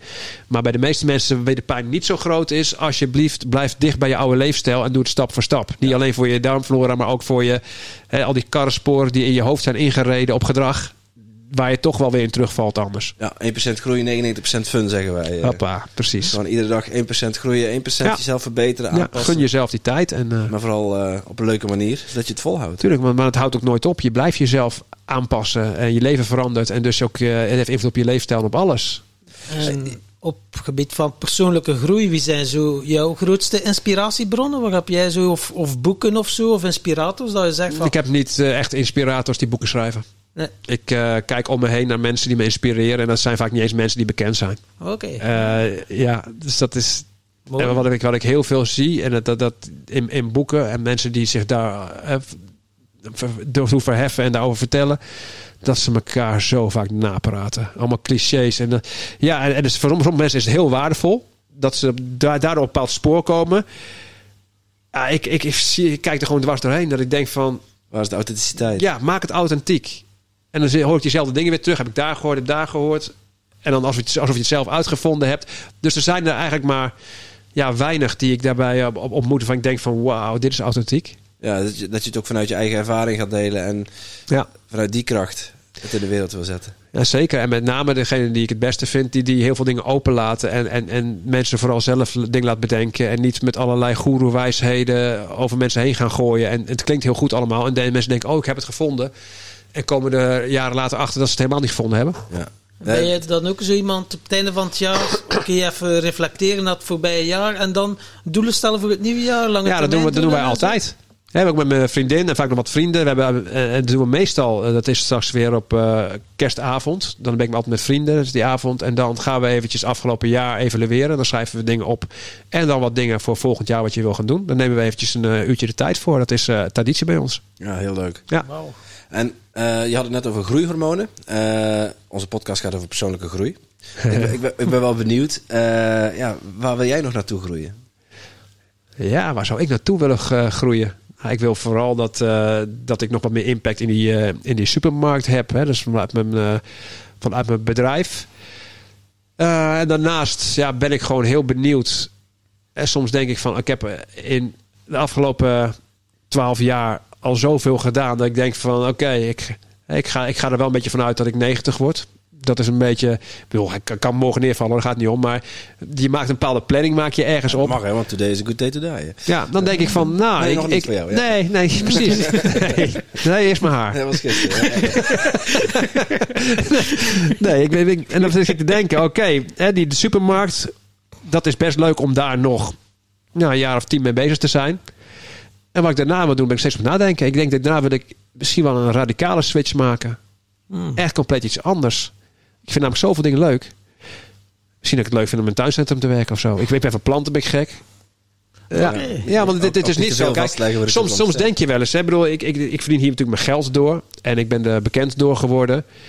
Maar ik ben het niet, uiteindelijk. Ik bedoel, dit is, hè, ik ben human being en human doing. Ik ben dat human, doing uiteindelijk. Waar een beetje being in zit. Maar ik kan nog heel heel veel andere kanten op. En ik moet mezelf niet laten beperken door wat nu gecreëerd is. En ook wat de buitenwereld van me gaat verwachten straks. Dus ik hoop, hè, dat, ik heb natuurlijk dat, dat dit doel verwacht de buitenwereld nu ook wel van mij. Dus dat is nog de komende tien jaar met die supermarkt redelijk makkelijk. En daarna denk ik dat ik niet ga doen wat mensen verwachten. Hmm. Dat is mijn planning. Oké. Ja. En eh, ja, ook nog een fascinatie van u zijn vissen, want we zitten hier op een zo'n ongelooflijke Ja. aquarium. Hoe is die fascinatie gekomen? Door te snorkelen dat je zag? Ook, ik zie Nemo, Ja, ook- dat in mijn huis ook. Ook dat eigenlijk heb ik, heb ik bijna mijn hele leven al, al vissen. Ik had eh, vroeger een eh, goudvis. Die is eh, ook 14 jaar geworden. Ja, hij eet, uit, uit mijn hand. En dat was een hele grote vis, noemden we de burgemeester. En er waren een paar kleine vissen omheen. Daar is het eigenlijk al begonnen. Toen ging ik daarna de stap maken naar tropische vissen. En ik hou heel erg van gekleurde vissen met hele felle kleuren. En dan kom je in het begin, ja, een zeeaquarium kon ik natuurlijk nooit betalen. En dat, dat, dat, zeker niet. Toen ben ik in zoetwater ben ik Malawi cycliden gaan houden. En in Mala- Malawi, dat is vroeger zee geweest. Hè, dat is ook zo meer in Afrika. Vroeger zee geweest. En daar zijn toch wat kleuren van die vissen bewaard gebleven. Dat zijn de meest felle gekleurde vissen die je kunt krijgen. Ja, en mijn droom was uiteindelijk altijd... Ja, zeewater is toch het allermooiste qua kleuren wat je kunt, eh, kunt hebben. En toen heb ik in dit eh, huurhuis eh, een gigantisch aquarium opgehangen. geen is toch wel eh, drie meter? Drie bij een halve Ja, meter. ja de, de 3 meter 10 is hij lang, is 70 centimeter hoog en dan een meter diep. En dan is een doorkijkbak die hangt aan de draagmuren. Ja, dat is Ja, dat is ongelooflijk. Ja, dat is, dat is echt zoiets van, van, van, van oké, dit ga ik nu gewoon doen. Ja, en, en, en dat is altijd wel een droom geweest. En dit eh, ja, hangt er al best heel veel jaren eigenlijk eh, Heel nu. schreef het ook overigens. Ja. Ja. En ben jij dan zo iemand keuzes maken vanaf dat je voelt een hell yes, dat je dan heel onbezonnen yes, dat doe ik? Of, of heb Nee. je zo afwegen zo? ah Ik ja, ben een, iemand die er lang over doet. Oké, Eh, mijn haartransplantatie wi- wilde ik tien jaar geleden al. oké. Ehm, dit aquarium wil ik ook al decennia. Ehm, en, en, en dan ga ik eh, zo'n stip op de horizon zetten. En dan ga ik eh, stap voor stap dingen doen. En ik ben eigenlijk, ik ben natuurlijk onder, ben nu ondernemer. Maar ik ben van origine een hartstikke laffe ondernemer. Ik ben iemand die eh, personal trainer wilde worden. En die in loondienst begon met 32 uur. En dan iedere keer weer een paar uurtjes in loondienst eraf. En steeds meer voor mezelf. En uiteindelijk, hé, hey, ik ben voor mezelf. Eh, mijn vriendin is tegenovergesteld. mee, toch? Nee, mijn vriendin is tegenovergesteld. Op een gegeven moment eh, komt ze thuis. eh, ja, ik vond mijn werk. Ik heb een bepaalde baan. Ik vond het niet meer leuk, ben gestopt. Ik heb het ontslag genomen. Maar je hebt nog helemaal niks nieuws. ja, dat, is de tegen, tegenpol, is mijn vriendin dan weer. Eh, ja, en ik ben die, eh, die kant die heel voorzichtig dingen doet. Maar wel een hele goede lange termijnsvisie heeft. En dat uiteindelijk, uiteindelijk altijd voor elkaar krijgt. Dus eh, ook iemand dan met heel veel geduld. Je Ja. hebt dan zo het voor ogen en dat je ook wel de tijd afwacht van ja oké, nu doe ik het dan. Ja, ik geloof daar he- helemaal in. Dat is met de hormoonfactor ook. Ik heb een niche gekozen. Dat is de hormonen en leefstijl. En die blijf ik dan ook trouw. Hè, dat, dat gebied dat eigen ik eh, dan toe. Terwijl er hartstikke veel opportunities voorbij komen op andere gezondheidsvlakken. Waar ik ook over kan. Ik kan ook natuurlijk de darmflora helemaal uit gaan diepen. En dan weer dit en dan weer dat. Nee, ik heb geduld. Want ik weet gewoon, dit spoor pak ik. En, en, en ik moet geen schot hagel worden. En dus ik ben niet zo impulsief eigenlijk. Gewoon laserbeam focus. Ja, Organisch laten groeien, stap voor ja, stap. er zitten altijd langetermijns eh planningen achter. En daarom schrok ik ook zo met mijn eerste boek wat er gebeurde. Want dat is niet zoals ik ben en wat ik voor ik ogen niet. had. Ik wil geen succes met mijn denk, boek. Jeetje. het lezen? De ene andere dag, man. In publiek bezitten was ik eventjes. En gelukkig dan, dan tempert dat alweer na een half jaar. Maar dat was eventjes eh, heftig. Oké, maar dus die lange termijn planning, dan plan je al vijf of tien jaar vooruit. Ja, en dan ja. is het ook wel bijsturen en af en toe evalueren. Of hoe ga jij dan te werk? Eh, Ehm, ja, nee, ik evalueer best, best vaak. Dat is wel mijn, mijn, mijn kracht. En, eh, en, en zeker ook kracht van mijn compagnon. Die houdt echt overzicht. Dat is ook een hele geregelde jongen die dat, eh, die dat doet. Dus in feite met mijn compagnon ben ik geen tegenpol wat impulsiviteit betreft. Ben ik impulsiever dan hij. Dus dat is zeker wat je, wat je doet. We hebben alleen één zwakte. Dat we bij het evalueren dingen niet vieren. Mm. Mm. Ja, er zijn, zoveel, weinig. er zijn Allemaal. zoveel dingen geweest waarvan ik denk van dat, dat, dat had toch een feest moeten zijn. Succesjes Ja. vieren. Ja. Die, die, die mijlpalen die je tussendoor haalt. Nogthans, hoeveel Je de brood in de hormonen, hè? Ja, ja, zijn, eh, Ja, van en ik heb toevallig mijn tienjarig jubileum gevierd. Dat was wel een heel mooi, mooi moment, maar dat is eigenlijk het enige geweest. Want je bent altijd in die red race door aan het gaan. En als er iets succes wordt, dan ben je meteen... Oké, dan pak je er meteen op door. In plaats van dat je even achterover gaat zitten. next. Ja. Ja. Wauw, wat heb ik nou voor elkaar gekregen? En dat is gemiste, eh, gemiste kansen geweest. En ik eigenlijk, het, eh, ja, de, zeker met eh, de, de kerstavond, dat ik dit jaar gezegd, volgend jaar het eerste product dat komt, ik ga het vieren. Die gaat erop, ja. Ja, we, hebben er ook wel een beetje last van. Hoor. Dat, dat, je, dat je een succes neerzet. Bijvoorbeeld met ons uitverkochte Timton Podcast Festival. En dat je dan vrij snel daarna al, al gaat kijken van... Het was tof. eh, wa- waar, zit er voor ons de groei? En eh Ja, ja, bezig met de volgende editie. Terwijl, ja, ja je, mag best, je mag best ook even terugkijken van wat je bereikt hebt. Ja, en, eh, terwijl ik eigenlijk mijn eerste boek is, is, is het laatste. eh, ik heb natuurlijk een tienjarig jubileum. Dan is mijn eerste boek een, een feestmoment geweest. Dat het net uitkwam. En dat. Ik weet nog, ik heb ergens een foto liggen dat ik op al die postzakken met, eh, met boeken ligt. Want ik had bijna alles was, was gewoon via de site van mijn uitgever. Dat was helemaal nog niet bij bol.com of zo. Dus dat was eigenlijk heel anders.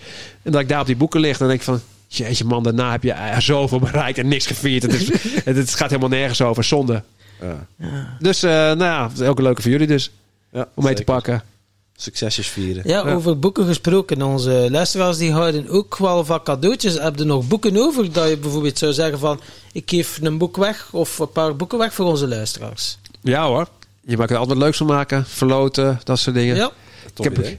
Ik heb beneden ook nog wat liggen hoor. oké. Don't worry. Super fijn. Ja, daar Ja. gaan we er wel iets leuks van maken. Maar Ja. mensen moeten wel gemotiveerd zijn om, eh, Ja. om er iets mee te willen doen. Ja, dus, eh, dus laat ze maar uitleggen waarom ze gezonder willen leven. En als daar een mooi antwoord op komt, Ja. dan kunnen ze boeken winnen. Een mooie uitdaging. Ja. Mooi uitdaging. En over hoeveel boeken spreken we? Dan, Ja, ik, ik denk dat we gewoon van ieder boek er eentje doen. Dan hebben we de hormoonfactor, we hebben het hormoonbalans voor vrouwen en we hebben de testofactor. super. Of wil je ook nog de boodschappencoach? Die vond jij van me wel leuk hè? Ja, Nou, doen we de- Ja, ja. Dan doen we de boodschappencoach er ook bij. Dan zijn er vier verschillende boeken. En dan kun je zelf eh, welke wil je winnen. En waarom wil je nou gezond leven? En het gaat er niet om, ik wil 10 kilo afvallen. Nee, ik wil weten wat ligt daaronder. Stel je voor dat je 10 kilo afgevallen bent. Hoe ziet je leven er dan uit? Of Ja. andersom, als je nog 10 kilo aan zou komen. Hoe ziet je leven er dan uit? Ja. Dat is interessant. En daarbij begint leefstijlverandering. En dan heb je wat aan het boek. Boek lezen zonder motivatie, nutteloos. Zero impact. Prachtig. We hebben hier nog vragen om een vraag te bedenken voor onze volgende gast.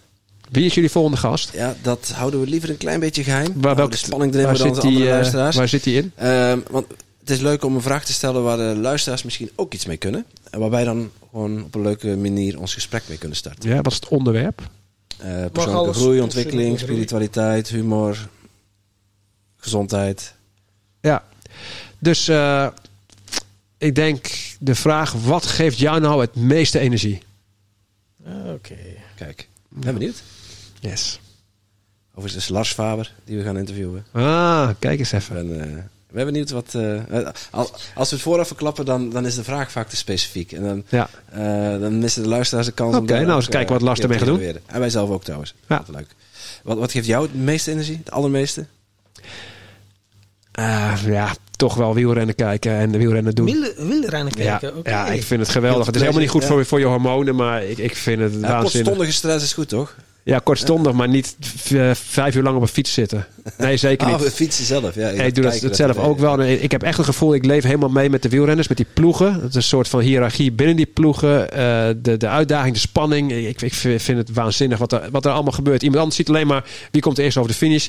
Nou, ik zie daarvoor zoveel gebeuren. Psychologie, dit, dat. Ik vind het Wie is waanzinnig. jouw eh, favoriete ploeg of eh wielrenner? Nou, mijn, mijn favoriet is net eh, met pensioen gegaan. Dat is eh, Valverde. Alexander Oké. Valverde. En op twee stond Nibali, die is ook met pensioen gegaan. Nou, dus Ja. ik eh, Ja, ga nu even kijken. Ik moet zeggen, wie, wie, wie jullie, hebben jullie eh, Jong Belgisch favoriete... talent. Ja, en hebben, die hebben natuurlijk de Evenepoel. Die vind ik ook briljant. En Van Aert ook. Dus jullie, Ja. hebben, jullie hebben zulke geweldige Jullie wielrenners. hebben een Mathieu, maar het mag dan niet te veel rumoer zijn op de hotelkamer. Eh, de dat klopt. Dat klopt. Hey, maar het veldrijversseizoen begint nu. Dus ik ben benieuwd eh, hè, Van der Poel en Van Aert hoe dat Ja. gaat zitten. Ja, die maken elkaar toch ook wel beter. Hè? Dat zijn dan twee concurrenten, maar die hebben ook elkaar nodig om elkaar beter te maken. Om Het is boven de rest te kunnen eh, uitstijgen. fascinerend. En, en hè, we hebben het vaak over talent en, en lichaam. Maar het, joh, dat kopje dat is zo belangrijk. Ja, heerlijk. hun hormonen, Ja, ik, dat ik, dat kan ook ook wel... ja. ik, ik doe zelf niet eh, actief wielrennen, maar het, het kijken vind ik wel echt... eh, Ja. Heel spannend, ja. Ja, precies. Dus eigenlijk is het een beetje... Ik ben blij dat er veldrijden is, maar ik val een beetje in, in een gat nu. Ja, ja, en, dan, ja. en dan meestal het voorjaar, dan komen de klassiekers weer en dan... eh oh, fantastisch. En nu, nu hebben ze ons eh, lekker gemaakt met voetbal, hè. Dus, eh, Ja, precies. nou goed, dat, Ja, we, doen, we een doen beetje het er maar sport- mee. We doen een beetje sport in onze, in onze podcast. We hebben gemerkt dat, dat je dan eh 100 miljoen eh, meer luisteraars kunt bereiken. gewoon. Ja. Ja. precies. Nou, het zit erin. Check. Heb je al dus uw favoriete eh, wedstrijd dan? Is dat dan de Ronde van Vlaanderen? Of eh, heb je dan eerder de rondes? Eh, Nou, ik vind de rondes en, en de bergetappes natuurlijk erg leuk. Ehm, en qua klassiekers, eh, ja, toch in Nederland uh, Amstel Gold Race. Ja. Eh, en ik, ik fiets daar ook regelmatig rond in dat gebied. En ik ken al die klimmen op, op mijn duimpje. En ik weet dat gewoon hoe, is ik, leuk, hoe ja. ik daar zelf stilval. En ik zie ze daar gewoon overheen sprinten. En denk van, wat is hier aan de hand? ja, het is prachtig. Volgens mij is een hormoonbalans eh, niet helemaal oké. Ja, dat zijn voor mij, als ik daar ga fietsen, is voor mij mini-vakantie eigenlijk. Ik heb het gevoel dat ik niet meer in Nederland ben, dat ik, op- dat ik echt in het buitenland zit. En, en het is zo'n eh, rustgevende omgeving, dat Limburg voor mij. Ja, daar zou ik ook nog eigenlijk een keer willen wonen. Maar. Ja. En ben je dan ook eens iemand die dan naar Frankrijk gaat, de Mont Ventoux beklimmen en zo die dingen? Dat ik heb wel een paar van die, eh, van die calls be- beklommen. Alleen, ik- ja, ik ben echt eh, een beetje explosief mannetje voor de korte klimmetjes. Maar echt, die, die langere berg, eh, bergen, dat is gruwelijk. Ik val helemaal stil, joh. Het ziet er gewoon echt niet uit. Dus eh, afzien Terwijl bij de ik pijn. op het vlak, eh, ja, een sprintje kan ik wel, wel winnen af en toe. Maar, maar in die bergen, je moet er een bepaald talent voor hebben. Het is, eh, het is vreselijk, maar toch doe ik het. Want het is wel, als je dan boven komt, je hebt zo'n zo'n heroïsch iets meegemaakt. En dan ben je misschien een uur aan het klimmen. Maar je hebt het gevoel dat je de hele dag aan het klimmen bent geweest. het, is, eh, het is prachtig. En ik ben wel goed in afdalen. Dus daar pak ik, ze, pak ik ze allemaal terug. Ja, ik denk dat het ook mijn favoriete onderdeel zou zijn. Ja, ja. Mooi. Eh, als mensen meer willen weten over jou, over je boeken of over eh Gewoon googelen of eh, Ralf Moorman of eh, de hormoonfactor en de fuik staat klaar. Ja. you're ready and you're warned. Ja. Prachtig. Heel mooi, man. Yes. Ehm, dan willen wij je nog van harte bedanken voor dit toch wel eh, inspirerende gesprek. En mijn hormonen, eh ja, door zijn ze, gieren door mijn eh, lijf, joh. Yes. Oké, Dankjewel. Superleuk. Bedankt voor de uitnodiging. Graag Ja. gedaan. En jij natuurlijk ook super bedankt om te luisteren naar deze podcast. Voel jij je geïnspireerd? Je zou ons een enorm plezier doen door ons 5 sterren te geven of een review achter te laten in jouw favoriete podcast-app. En wil je geen enkel inspiratiemoment missen? Abonneer je dan op onze podcast of volg ons op social media at Tim Podcast. Oké, okay, moet je terug aan de Tom.